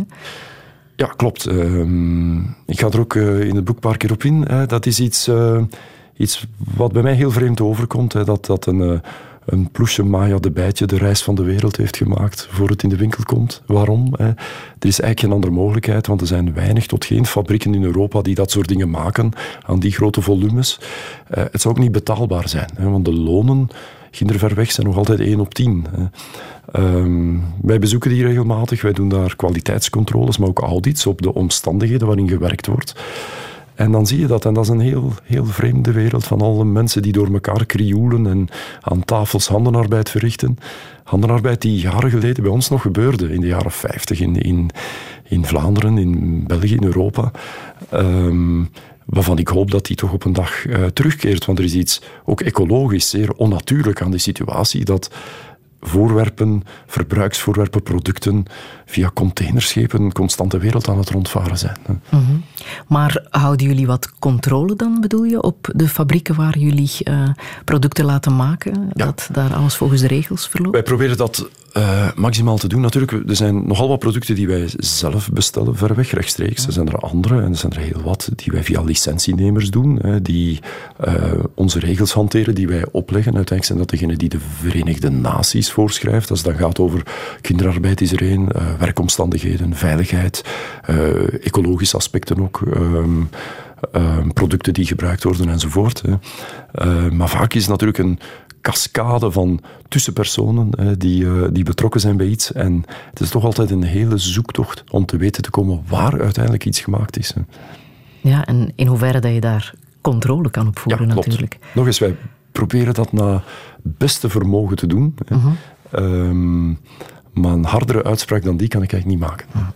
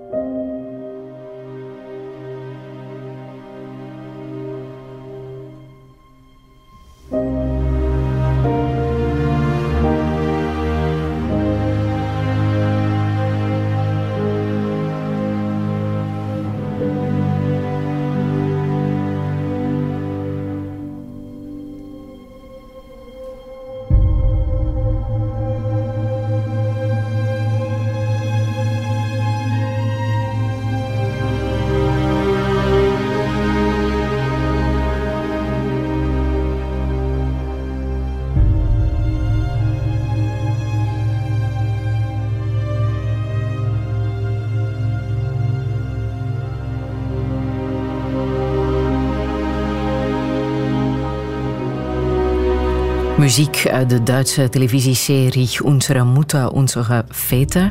Hans Bourlon, dat is een serie die jij ook hebt gezien, hè? Ja, klopt. Ehm, ik heb er een stukje aan gespendeerd, omdat wij een bedrijf in München en ik ben daar heel regelmatig en dat boeit mij uh, toch wel heel bijzonder. Uh, uh, als ik mijn ogen dicht doe, dan zie ik daar Hitler en zijn troepen door de straten lopen, een beetje beïnvloed door veel canvas-documentaires, vrees ik. Maar het is vooral ook de verhalen van de mensen die er werken, mijn generatiegenoten daar, die, die hun vaders uh, hebben gevochten, onvermijdelijk. Hè. Aan, vaak aan het Oostfront hebben duizenden mensen gedood. Uh, hebben zich daarna vaak in stilzwijgen gehuld. En daar gaat de serie ook over. -hmm. Er is een medewerker van ons die mij eens vertelde van... Als ik als kind in de armen van mijn vader was, dan voelde ik de granaatscherven in zijn rug zitten. Hè. Dat is heel dramatisch. Um, en aan de hand van deze serie zijn er in Duitsland nogal wat talkshows geweest. Want die oorlog, ik ben 16 jaar nadien geboren, maar toch vaak lijkt die van een andere planeet te zijn. Hè. Mm um, en men heeft dan kleinkinderen met die ja, 80, 90-jarigen geconfronteerd, waarbij die kleinkinderen dan in talkshows de vraag stelden van grootvader, wat heb je gedaan tijdens een oorlog? En omdat die mensen vaak hun demonen niet wilden meenemen in hun graf, hebben ze het ook verteld. En er kwamen uh, toch wel heel bijzondere verhalen naar boven. En deze serie heeft in Duitsland heel veel teweeggebracht. Uh, maar vooral Bavaria, uh, de, regio, de, regio, van München en Nuremberg. Um, het is een regio die ik zeer bewonder, um, economisch dan, wat men daar realiseert. Maar leeft toch nog altijd heel erg mm -hmm. met die sfeer en vooral het zich afzetten en verantwoorden ook tegenover wat daar ooit is gebeurd. Hè. Weet jij wat, wat jouw vader heeft gedaan tijdens de Tweede Wereldoorlog? Ja, ik heb het hem gevraagd. Hè. Hij, is, hij is 89. Hè. En uh, hij vertelde dan een heel grappige anekdote. Hij zei... Uh, ja, um, de Duitsers kwamen terug uh, uit de Ardennen en er was bevrijding en feest in het dorp. En iedereen had zijn vlag, Belgische vlag uit het raam hangen. En ik heb die van ons naar binnen getrokken, zoals iedereen dat heeft gedaan. En dat zegt veel over oorlog. Hè. Oorlog is iets waar mensen bang voor zijn, waar mensen niks willen mee te maken hebben. En uh, die angst, de Duitser gaat terugkomen, die was gigantisch. Ja. Ze dachten vanavond staat hij hier. Ja, maar waar mensen blijkbaar toch nog altijd over zwijgen, over wat ze echt hebben meegemaakt. Ja, omdat ze zijn meegesleurd in iets waarvan ze waarschijnlijk achteraf denken, wat heb ik nu gedaan? Ja. Het moet een verschrikkelijk gevoel zijn, omdat je ook de beste jaren, de jeugd van je leven, dan op een, op een slagveld hebt gespendeerd. Hoe erg kan het zijn? Studio 100 werkt aan een nieuwe musical rond de Tweede Wereldoorlog. Uh, hoe ver staat het daarmee? Oh, um, we zijn volop bezig met uh, tekst en muziek en verhaal. We hebben er ook tijd voor. Het gaat pas oktober 18 uh, in première gaan. maar we wij willen daar iets, iets bijzonder uitzonderlijk van maken. Mensen zijn vandaag veel gewend. Hè. Um, dus een paar acteurs met een geweer die wel liedjes zingen op een scène is spijt genoeg niet voldoende om honderdduizenden mensen te bereiken, wat toch onze doelstelling is. Dus ja, dan moeten we echt wel uitpakken met spektakel en toch ook wel met de, juiste die bij de oorlog horen. Mm. Jullie waren van plan om iets uh, te doen, uh, samenwerking met uh, Vernon Huts en een eigen theaterlood ja, dus te bouwen. wij zoeken een gigantische plek om, om het op te zetten en, en die zaal bestaat niet in ons land toch, toch tenminste niet een zaal die met onze doelstellingen overeenstemt. Uh, namelijk met bewegende podia en plaatsen waar de mensen op zitten. En dus moesten we ze bouwen. En bij Fernand, die een cultuurminnend iemand is, hebben we een luisterend oor gevonden. En hij zei, ik ga die zaal bouwen. Voilà. Maar voorlopig uh, hebben jullie nog geen toestemming? Wel, we zijn ermee bezig. Het is een vrij complex gegeven, omdat natuurlijk uh, de gronden die Fernand bezit in havengebied zijn. En daar moeten we nog wat gesprekken rond voeren. Ja. ja, dat kan nog even duren, ons land kennende waarschijnlijk. Ja, klopt. Uh, maar bon, ook terecht dat er regels zijn en beschermingen zijn. Ze zijn er niet voor niets gekomen. Ah, mm. Als jij jonge uh, mensen tegenkomt met ondernemerstalent, wat zeg je hen dan? Wat raad je hen aan? Ik ga wel eens op, uh, op uh, scholen spreken, of in scholen spreken. Ik ben ook een boekbeeld van Vlaio, die dit jaar die, probeert ondernemers voor de klas te brengen, om, om ze te motiveren om te ondernemen. En dan zie ik toch dat jonge mensen vandaag het gevoel hebben van het is niet evident dat de overheid voor mij zal zorgen later. Hè. Dat die ondernemingszin er wel is en dat er ook wel een aantal mooie rolmodellen ontstaan zijn, soms uit Amerika ook, waar ze zich aan spiegelen. Um, ik probeer toch altijd te zeggen dat welvaart naar de toekomst toe vooral door ondernemers zal gecreëerd worden. Het is niet door thuis in de zetel te wachten dat onze welvaart veiliggesteld zal zijn. En twee, ook waar ik vooral probeer van te getuigen is... ehm, in mijn leven heeft dat iets bijzonders aangebracht. Ik ben als mens gaan floreren door in volle wind te gaan staan, door de zaken vast te pakken, door risico te nemen, door met een bedrijf te beginnen, samen met andere mensen natuurlijk. Eh, en ik probeer er toch een punt van te maken dat ze minstens eens reflecteren of nadenken of dat niets voor hen zou zijn. Waar heb jij het vak geleerd? Want jij bent een mislukte filosofiestudent. Wel, ik Ben moet eerlijk jij- zeggen, eh, tij- tijdens mijn Latijn-Grieks opleiding heeft niemand ooit gezegd, ze ondernemen niks voor u. En ook later niet natuurlijk. In al die jaren die ik filosofie heb gestudeerd, eh, is er nooit iemand die zegt, hé, hey, ondernemen, eh, zou je dat niet eens overwegen? Hè? En Dus, waar heb je het dan geleerd, het vak? ja, we zijn er eigenlijk een beetje ingerold. Ehm, ik moet eerlijk zeggen dat eh, ik voelde als mens dat ik eh, met de scouts enorm floreerde. En voor mij is het toch zeer ondernemend om eh, met een groep mensen een kamp op te zetten, van allerlei activiteiten te ondernemen. Ik voelde als mens dat mij dat zeer erg aantrok. Eh, en dat heeft mij het nog meest geïnspireerd om die stap te zetten. Ja. Wat je de jonge mensen ook wil meegeven is dat falen mag. Je hebt ook al wel een paar keer gefaald, hè? Ja, dat klopt. In mijn, in mijn boek eh, maak ik een eh, mooie lijst van eh, de failures van Studio 100, hè, waar we de mist zijn ingegaan. Die zijn wel eens onder de mat gevaagd of niet in de pers gekomen. Zoals? Oh, we hebben het net nog over gehad. Hè. Weer draai in Duitsland opstarten. Een versie van K3 die niet lukt. Hè. Eh, Boten die blijven liggen in de haven omdat ze veel te traag varen. Ja, de Flandria-boten die we ooit zijn, hebben overgenomen. Eh, Breakies. ja, projecten die mislukken. We hebben het waren een soort sleuteltjes. Honderdduizend, honderdduizenden plastic sleuteltjes besteld in het Veroosten, die we dan aan de straatstenen niet gesleten kregen. En die liggen nog dingen. ergens in een container. Wel, eh, je moet dingen niet opslagen om, eh, in- omdat je denkt op een dag zal het wel iets worden. Dus die zijn vernield, vernietigd, uiteindelijk Mhm. verbrand, eh, gesmolten. En dat zijn dan toch altijd reflectiemomenten. Want je probeert er toch altijd iets uit te leren. Ja. Maar uiteindelijk is falen iets wat erbij hoort. Hè. Je moet dingen opstarten, voortdurend. En sommige dingen worden onverwacht groot succes, maar anderen eh, doen het ook gewoon. Hè. Eh, je hebt Eddy Merckx in de koers, maar ook een heleboel coureurs die het niet slecht doen. Hè. Maar geen Eddy Merckx zijn, zo hebben wij er ook heel wat. En dan heb je natuurlijk ja, dingen die falikant aflopen. Ja, Ja, Dat hoort en erbij. Ja. Wat echt valikant is afgelopen, is eh, toen dat meisje van elf stierf op een van de attracties in het Duitse Dat is een, een misschien een vreemd thema waar ik op inga, maar ik heb geprobeerd een zeer concreet verslag te doen van wat daar toen is gebeurd. Hè. Jaren geleden is er een meisje verongelukt eh, in ons park. En wat dat met de mens doet en wat er dan in ons bedrijf is gebeurd. Hoe was het voor jou om die telefoon te krijgen? Wel, eh, dat is natuurlijk schrikken. Wij kennen de statistieken. Wij weten dat dit gebeurt in parken. En je probeert dat maximaal te vermijden door procedures te installeren. eh, door de historiek van uw attracties te kennen en te weten wat er in andere landen, zelfs in heel de wereld, er ooit mee gebeurd is. hè. Ehm, maar dan toch, onverwacht gebeurt er iets. Vaak een samenspel van omstandigheden. En dat is een mokerslag, absoluut. Eh, ja, ja, ja. Dan stel je alles in vraag. Ja. Ook uw eigen activiteiten, absoluut. Maar toch zeg je, van de trap aflopen is gevaarlijker dan Als je een dat attractiepark puur bezoeken. bekijkt, statistisch wel. Hè. Maar statistieken verdwijnen als dat over een kind gaat. Hè. Natuurlijk. Die smelten, die verdampen. Ja.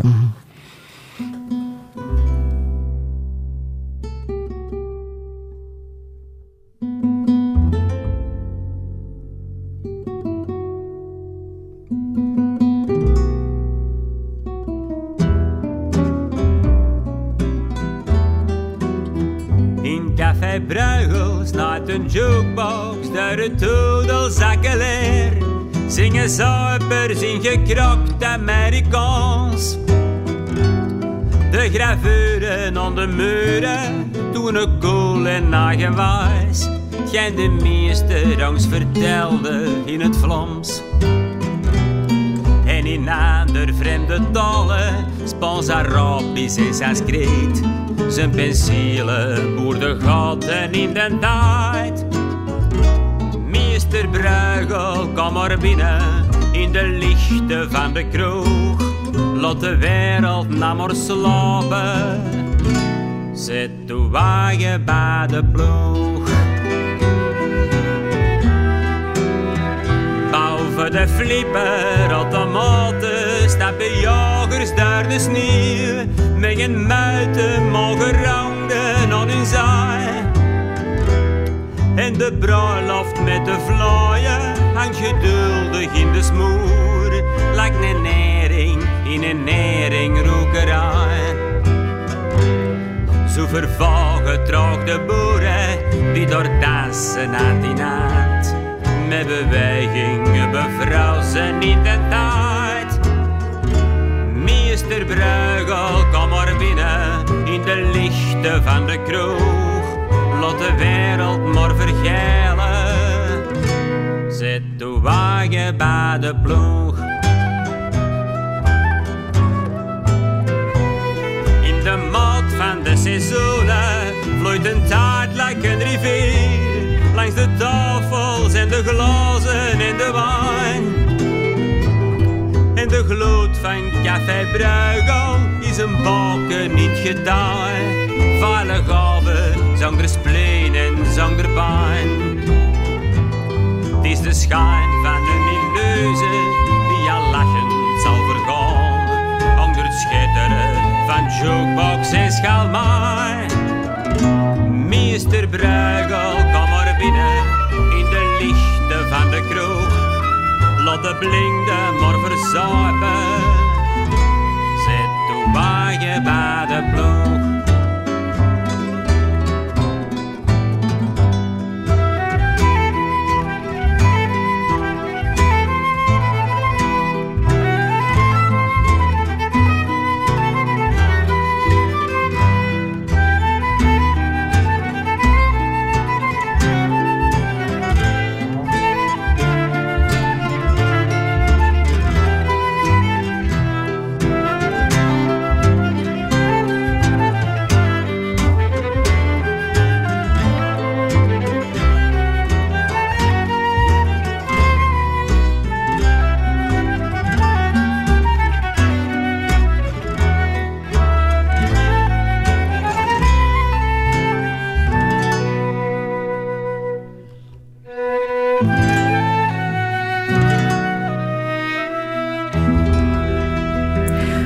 Van de Velde en een ode aan jouw favoriete schilder, Hans Bourlon.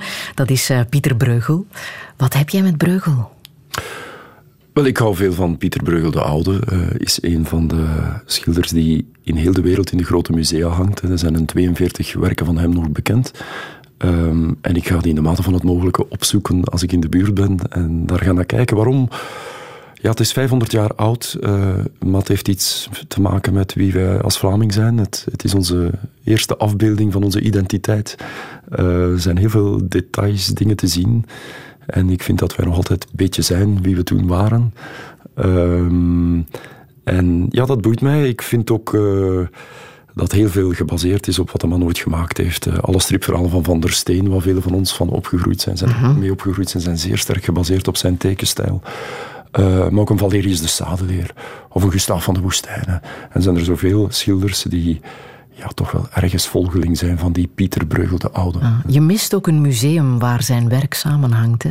Wel, uh, als je ziet wat vorig jaar met uh, Bos gebeurd is in Sertogenbos, ja. waar men die werken heeft bijeengebracht en een volkstoelop is gebeurd, dan heb ik me altijd de vraag gesteld wij waren ooit wereldleider in de schilderkunst. Hè. Wij zouden honderdduizenden mensen naar Vlaanderen kunnen trekken. Het zou veel voor ons imago kunnen doen. Uh, als wij dat soort tentoonstellingen ook zouden opzetten. Maar blijkbaar is dat ingewikkeld en complex. Uh, maar het zal wel gebeuren, maar in Wenen, in het Staatsmuseum, daar zal, um, zullen maximaal veel breugels bij ingebracht worden, zoals nog nooit gebeurd is. Ik denk volgend jaar. Het is een beetje spijtig dat dat niet bij ons uh, bestaat of zal zijn. Uh, het heeft ermee te maken dat er in Wenen 15 werken aanwezig zijn van Pieter Oude. Dat, zijn, dat is de grootste collectie. Is in de Oostenrijkse tijd gebeurd. Heeft men er meegenomen of meegekregen. De vier seizoenen zijn daar en zo. Ik ben die gaan bekijken. Het is een fantastische kamer in het uh, Weense museum. Ja, maar de Dulle Griet hangt wel nog altijd bij ons, hè? Ja, de Dulle Griet is een, um, uh, een van de meest prachtige werken die in ons land hangt. Uh, is een authentieke Pieter Breugel de Oude uh, in het Maier van den Berg Museum in Antwerpen. Is er niet te zien nu, omdat het in herstelling is en dan ook naar Wenen zal gaan. Je bent echt een kenner, hè? Wel, ik volg dat wel enigszins, ja. En wat is er zo bijzonder aan de Dulle Griet? Wel, de De Griet uh, heeft een heel bijzondere sfeer. Is een beetje door Jeroen Bos geïnspireerd ook. De dreiging van de oorlog uh, zie je daarin zitten. Uh, men heeft daar heel veel verklaringen aangegeven. Er zijn heel veel details ook te zien. Um, en het is ja, uiteindelijk toch iets wat wij ook vandaag toch boven ons heen voelen. Van gaat alles ook de komende decennia nog even geweldig economisch, maar ook vredevol verlopen mm als in het verleden. En toen Breugel dit geschilderd heeft, um, um, een aantal jaren nadien, ja, is de Spaanse furie uitgebroken. Is Antwerpen, de stad waar hij toen leefde, die zeer welvarend was, ja, overspoeld door uh, gruwel. En ja, is Antwerpen dan toch een hele lange periode daarna uh, door een economisch vagevuur moeten gaan. Ja. Interessante fascinatie die je vermoedelijk toch al hebt gedeeld met uh, Abdul Fattah, de vluchteling waar je voogd van bent. Heb je het daar met hem al over gehad?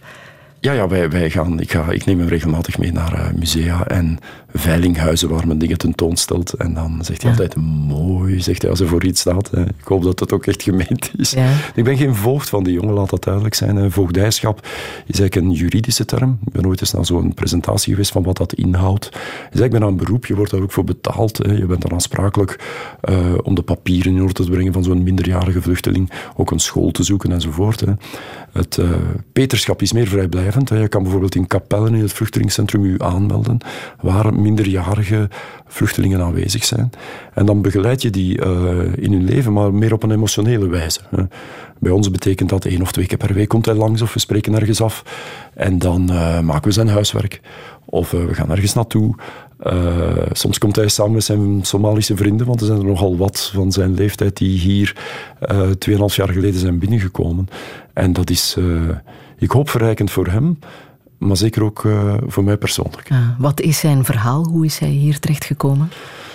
Wel, um, zijn vader, uh, die een politieman was, uh, is vermoord geweest door Al-Shabaab in een aantal stadia. Hij heeft me de foto getoond. Hij, zijn been is geamputeerd, natuurlijk in de omstandigheden die er waren. Niet in het ziekenhuis, maar in de apotheek, zoals dat dan heet. Een man moet een vreselijke dood hebben meegemaakt. Dan is zijn moeder met de kinderen gevlucht naar het noorden, naar Puntland. Wat een uh, regio is in uh, Somalië waar nog wat vrede heerst. En dan uiteindelijk is hij toch uh, vertrokken voor een beter leven als oudste zoon. Um, en zo is hij hier beland. Het een beetje vreemde is, hè, je ziet wel eens vluchtelingen op straat rondlopen en je, stelt je daar weinig bij voor. Hè. Maar het eerste half jaar van zijn aanwezigheid hier stond in het teken van het missen van zijn moeder. Hè. Um, en daar kan je dan wel wat in betekenen. Um, en vooral ook die heimwee naar Somalië zelf en naar wat hij kende uit zijn kindertijd. Maar ondertussen, weet je, zijn we zoveel verder en heeft hij zo enorm wortel geschoten en heeft hij zoveel opgepikt en geleerd. En het is toch ook heel bizar. De jongen is twee jaar naar school geweest in Somalië. Um, naar een moslimschool. Hij heeft er wat Arabisch geleerd en de Koran lezen. Maar tellen en aftrekken, dat ging nog maar vermenigvuldigen en delen, of wat de planeten zijn, of, uh, of wat kilometer per uur is. Daar had hij allemaal geen besef van. Maar de jongens pikken dan ook zo ongelooflijk snel op. Hij kan al beter hoofdrekenen dan ik vandaag. En dat is heel boeiend om dat van nabij te, te zien en mee te maken. Ja. En dat Peterschap, hoe is dat op jouw pad gekomen? Ja, door uh, iemand anders van, van wie ik wist dat dat ook gebeurd was. En, en, uh, en uh, ja, hoe verrijkend dat was. En dat is nog altijd vandaag. Hè. We zaten vorige week naar de, vorige week naar de koers te kijken. Hè.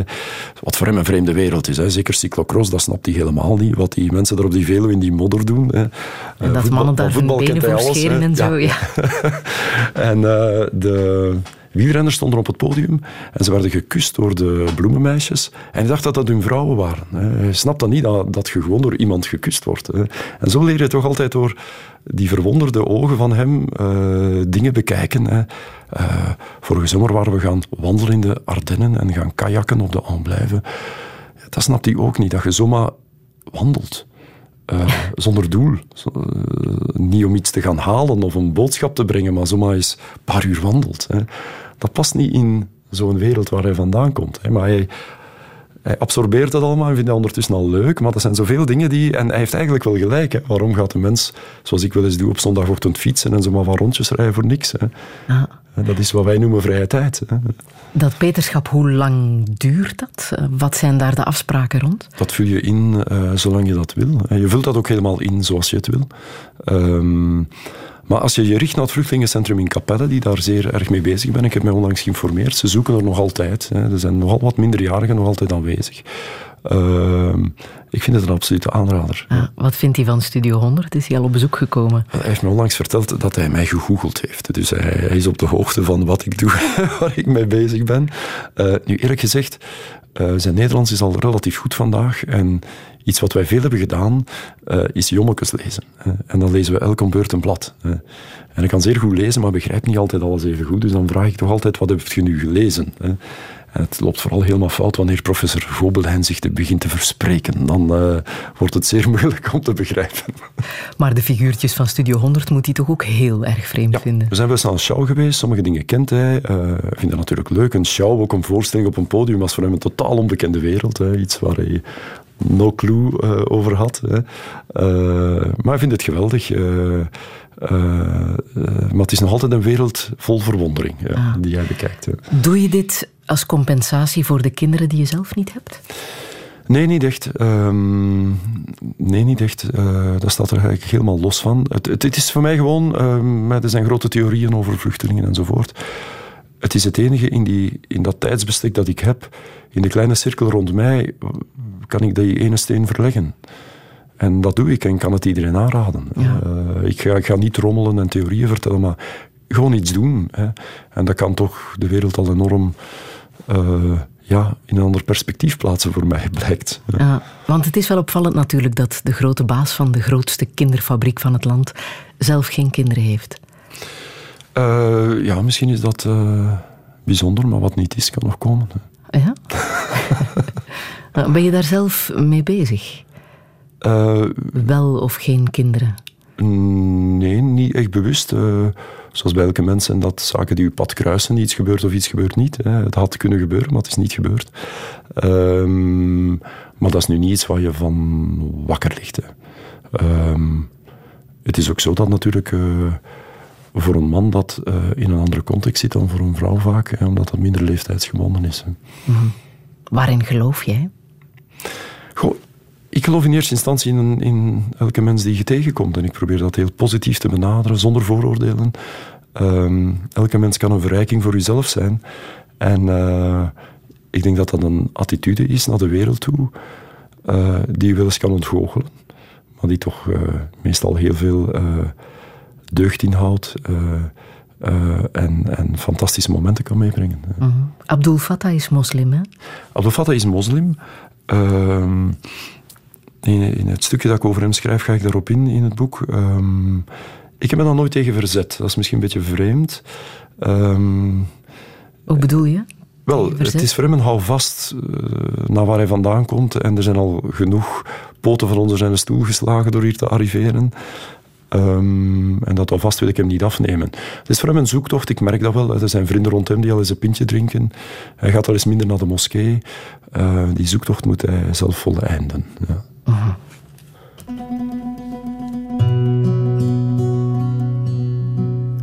Well, it's by the boys, and that's to mind your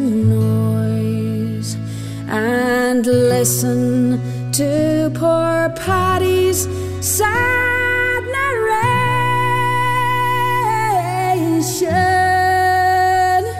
I was by hunger stressed and in poverty distressed. So I took a thought I'd leave the Irish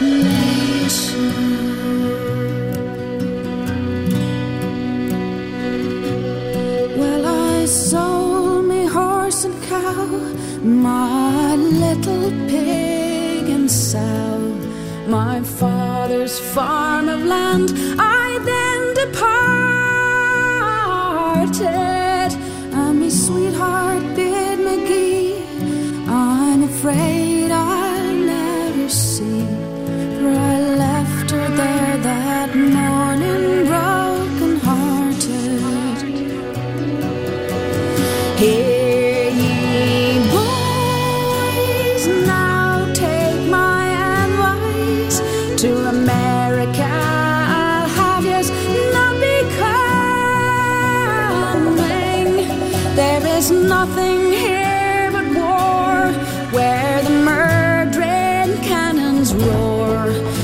I wish I was at home in dear old Dublin. Well, myself and a hundred more to America sailed o'er. Our fortunes to be making, we were thinking when we got to Yankee Land. They put guns hands, saying, Paddy, you must go and fight for Lincoln.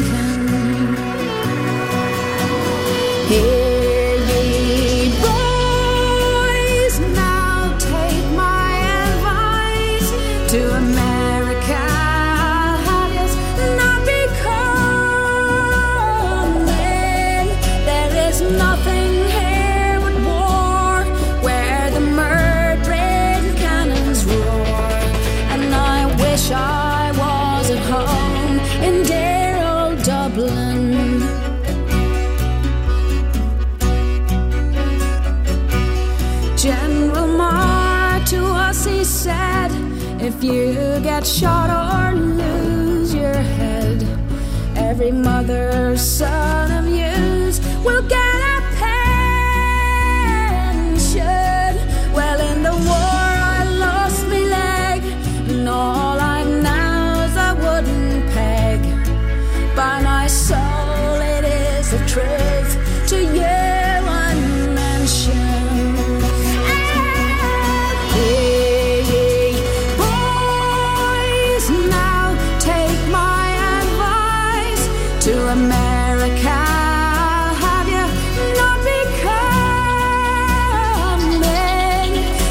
Sinead O'Connor met eh, het verhaal van Paddy, Hans Bourlon. Een nummer dat helemaal niet zo bekend is, maar eh, wel bij jou, hè? Ja, ik hou heel erg van de Ierse volksmuziek. Ik heb die echt door Radio 1 leren kennen. Spijtig genoeg krijgt die weinig aandacht vandaag. Eh, heel erg te betreuren. Maar het gaat eigenlijk over, over ehm, de migratie. Er zijn miljoenen ehm, mensen vandaag, 30 miljoen schat men, nakomelingen van Ieren in Amerika. ooit gevlucht bij de hongersnood. En dit is het verhaal van Paddy, die wegvlucht, zijn vriendin in de steek laat, zijn koe verkoopt, eh, zijn boerderijtje verkoopt. Op zoek naar geluk, hè, maar wordt ingelijfd in het leger van Lincoln. En heeft geen pensioen gekregen, enkel een houten been. hè. Dat eh, is een beetje het verhaal. Ehm Jeanette O'Connor brengt veel van die eh, klassiekers op een fantastische wijze, vind ik. Ja. Ja. Hans Bourlon, je bent twee weken geleden 55 geworden, hè? Klopt, ja. Ja. Wat zou je nog willen in het leven? Oh, eh, het was een van mijn dromen om, eh, om, om eens zo'n boek te schrijven. En eh, voilà, dat is weer iets wat is ingevuld. Dat is er, de blik van Bourlon. Voor de rest, en behalve eh, dat? Ja, weet je, ik ben vaak blij met de kleine dingen. Dat is in, in beperkt gezelschap een hele leuke avond hebben. Daar kan ik enorm van genieten. Ehm, veel van mijn dromen of verwachtingen zijn intussen al gigantisch lang ingevuld. Dus eh, ik ben een blij en gelukkig mens. Ja. Over tien jaar nader je de pensioengerechtigde leeftijd. Wat ga je daarmee doen? Ja, weet je, je stelt u er altijd iets bij voor. Ik ben hier een paar stukjes daarop ingegaan, hè, op wat pensioen betekent en hoe dat vaak voor mensen toch strepen van de schouder trekken is. Hè, en, en wat is de mens die dan overblijft. Hè. Ehm, Wat zal er van jou over? wel, ik vind dat je als mens altijd moet proberen je functie te overstijgen. hè. Dat is misschien een, een, vrij abstracte zin, maar dat je iemand moet zijn zonder de strepen die op je schouder staan. En ik betracht dat. Ik probeer dan te streven, zoveel mogelijk. Ehm, en ik hoop dat als ik een gezegende leeftijd kan bereiken, dat ik die bijzonder nuttig zal kunnen invullen. Ik heb in ieder geval veel interesses en nog altijd veel nieuwsgierigheid naar wat er zal komen en wat er in de wereld is en bestaat. Is jouw opvolging verzekerd binnen Studio 100? Eh, Dat is een, eh, iets waar we voortdurend mee bezig zijn. Van hoe kunnen wij opzij gaan staan en kan er iemand anders onze plaats innemen of gedeeltelijk? Of hoe kunnen we zo bekwaam mogelijke mensen aantrekken? Dat is iets wat je als aandeelhouder altijd voor ogen moet hebben, omdat als je operationeel de trechter van je bedrijf bent, dan pleeg je destructie op je aandeel. En, en eh, we zijn met drie aandeelhouders. Fortis Private Equity is er een, mijn collega Gert en ikzelf. Dus eh, ik moet ook voor die twee andere partijen de grootste zorg aan de dag leggen. Ja. Hoe wil jij herinnerd worden? Dat is een goede vraag. Eh, De vraag is of het nodig is om herinnerd te worden. Eh, eh, Ik zal de vraag anders stellen. Als ik jouw naam google, wat mag dan wel en niet verschijnen? Oh, ehm, geloof nooit de Google. Hè. Je kan veel door de Google zwieren en je zal de meest, meest Je onwaarschijnlijke hebt dingen zelfs lezen. een vergeetverzoek ingediend bij Google. Hè? Ja, ja, klopt. Eh, dat is ehm, iets wat bij ons wat onder de radar is verdwenen. Maar in elk geval, Google eh, heeft, eh, is een procedure verloren waardoor je vergeetverzoeken kan indienen. Als er dingen op Google staan die je niet bevallen, dan kan je die laten schrappen. Dat heb jij Ehm, geprobeerd. Wel, wij, wij hebben ooit, eh, we zijn een paar jaar geleden beticht geweest van fraude, waar achteraf niks van aanbleek te zijn. En natuurlijk staan kranten vol en staat Google vol met berichten over die fraude, maar de rechtzetting vind je nergens terug. Dus wij dachten, voilà, dit is niet meer relevant. Eh, en niet relevant zijn is een van de eh, zaken eh, waarop Google dingen schrapt. Hè. Dus we hebben die aanvraag ingediend. Ze is spijtig genoeg geweigerd. Hè. In een van de stukjes, ik hoop nogal grappig, in het boek probeer ik daarop in te gaan. Dus dat verhaal zal blijven bestaan. Het verhaal zal blijven bestaan. We kunnen nieuwe verzoeken indienen, maar eh, intussen zie ik er ook al wel de humor van in, van heel die kwestie. Dus. Ah. Welke boodschap wil je hier nog meegeven? Oh, niet te veel. Ehm, eh, gewoon als ik eh, mensen heb kunnen oproepen om misschien toch ook eens nieuwsgierig te zijn om een eh, minderjarige vluchteling eh, als Peter te begeleiden in zijn weg hier in, in ons land. Als er een paar zouden zijn. Onlangs kwam ik een jogger tegen die mij aansprak en zei... eh, ik heb u een stukje erover gelezen en ik ben naar Capelle gegaan. En dat deed mij heel veel deugd. En eh, er is een Afghaanse jongen die hij nu begeleidt. En dat deed mij heel veel plezier. Dus dat kleine beetje zou mij bijzonder blij maken. Of als een aantal jonge mensen die dit horen misschien zeggen... Hey, misschien moet ik ook ondernemer worden. Misschien moet ik eens iets proberen. Eh, dat zijn twee dingen die me al heel gelukkig zouden maken als dit naar aanleiding van deze uitzending zou gebeuren. Zullen we afronden met Yes en Wondrous Stories? Ja, ja, ja. Terug naar jouw eh, jonge jaren. Yes is bijna strafbaar vandaag.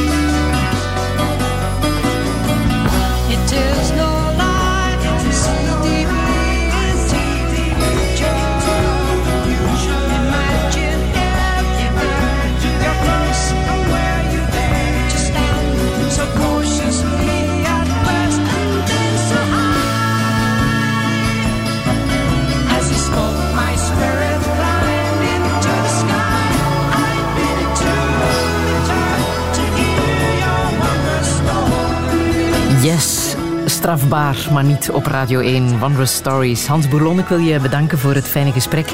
Alle info staat zo meteen na te lezen op radio1.be.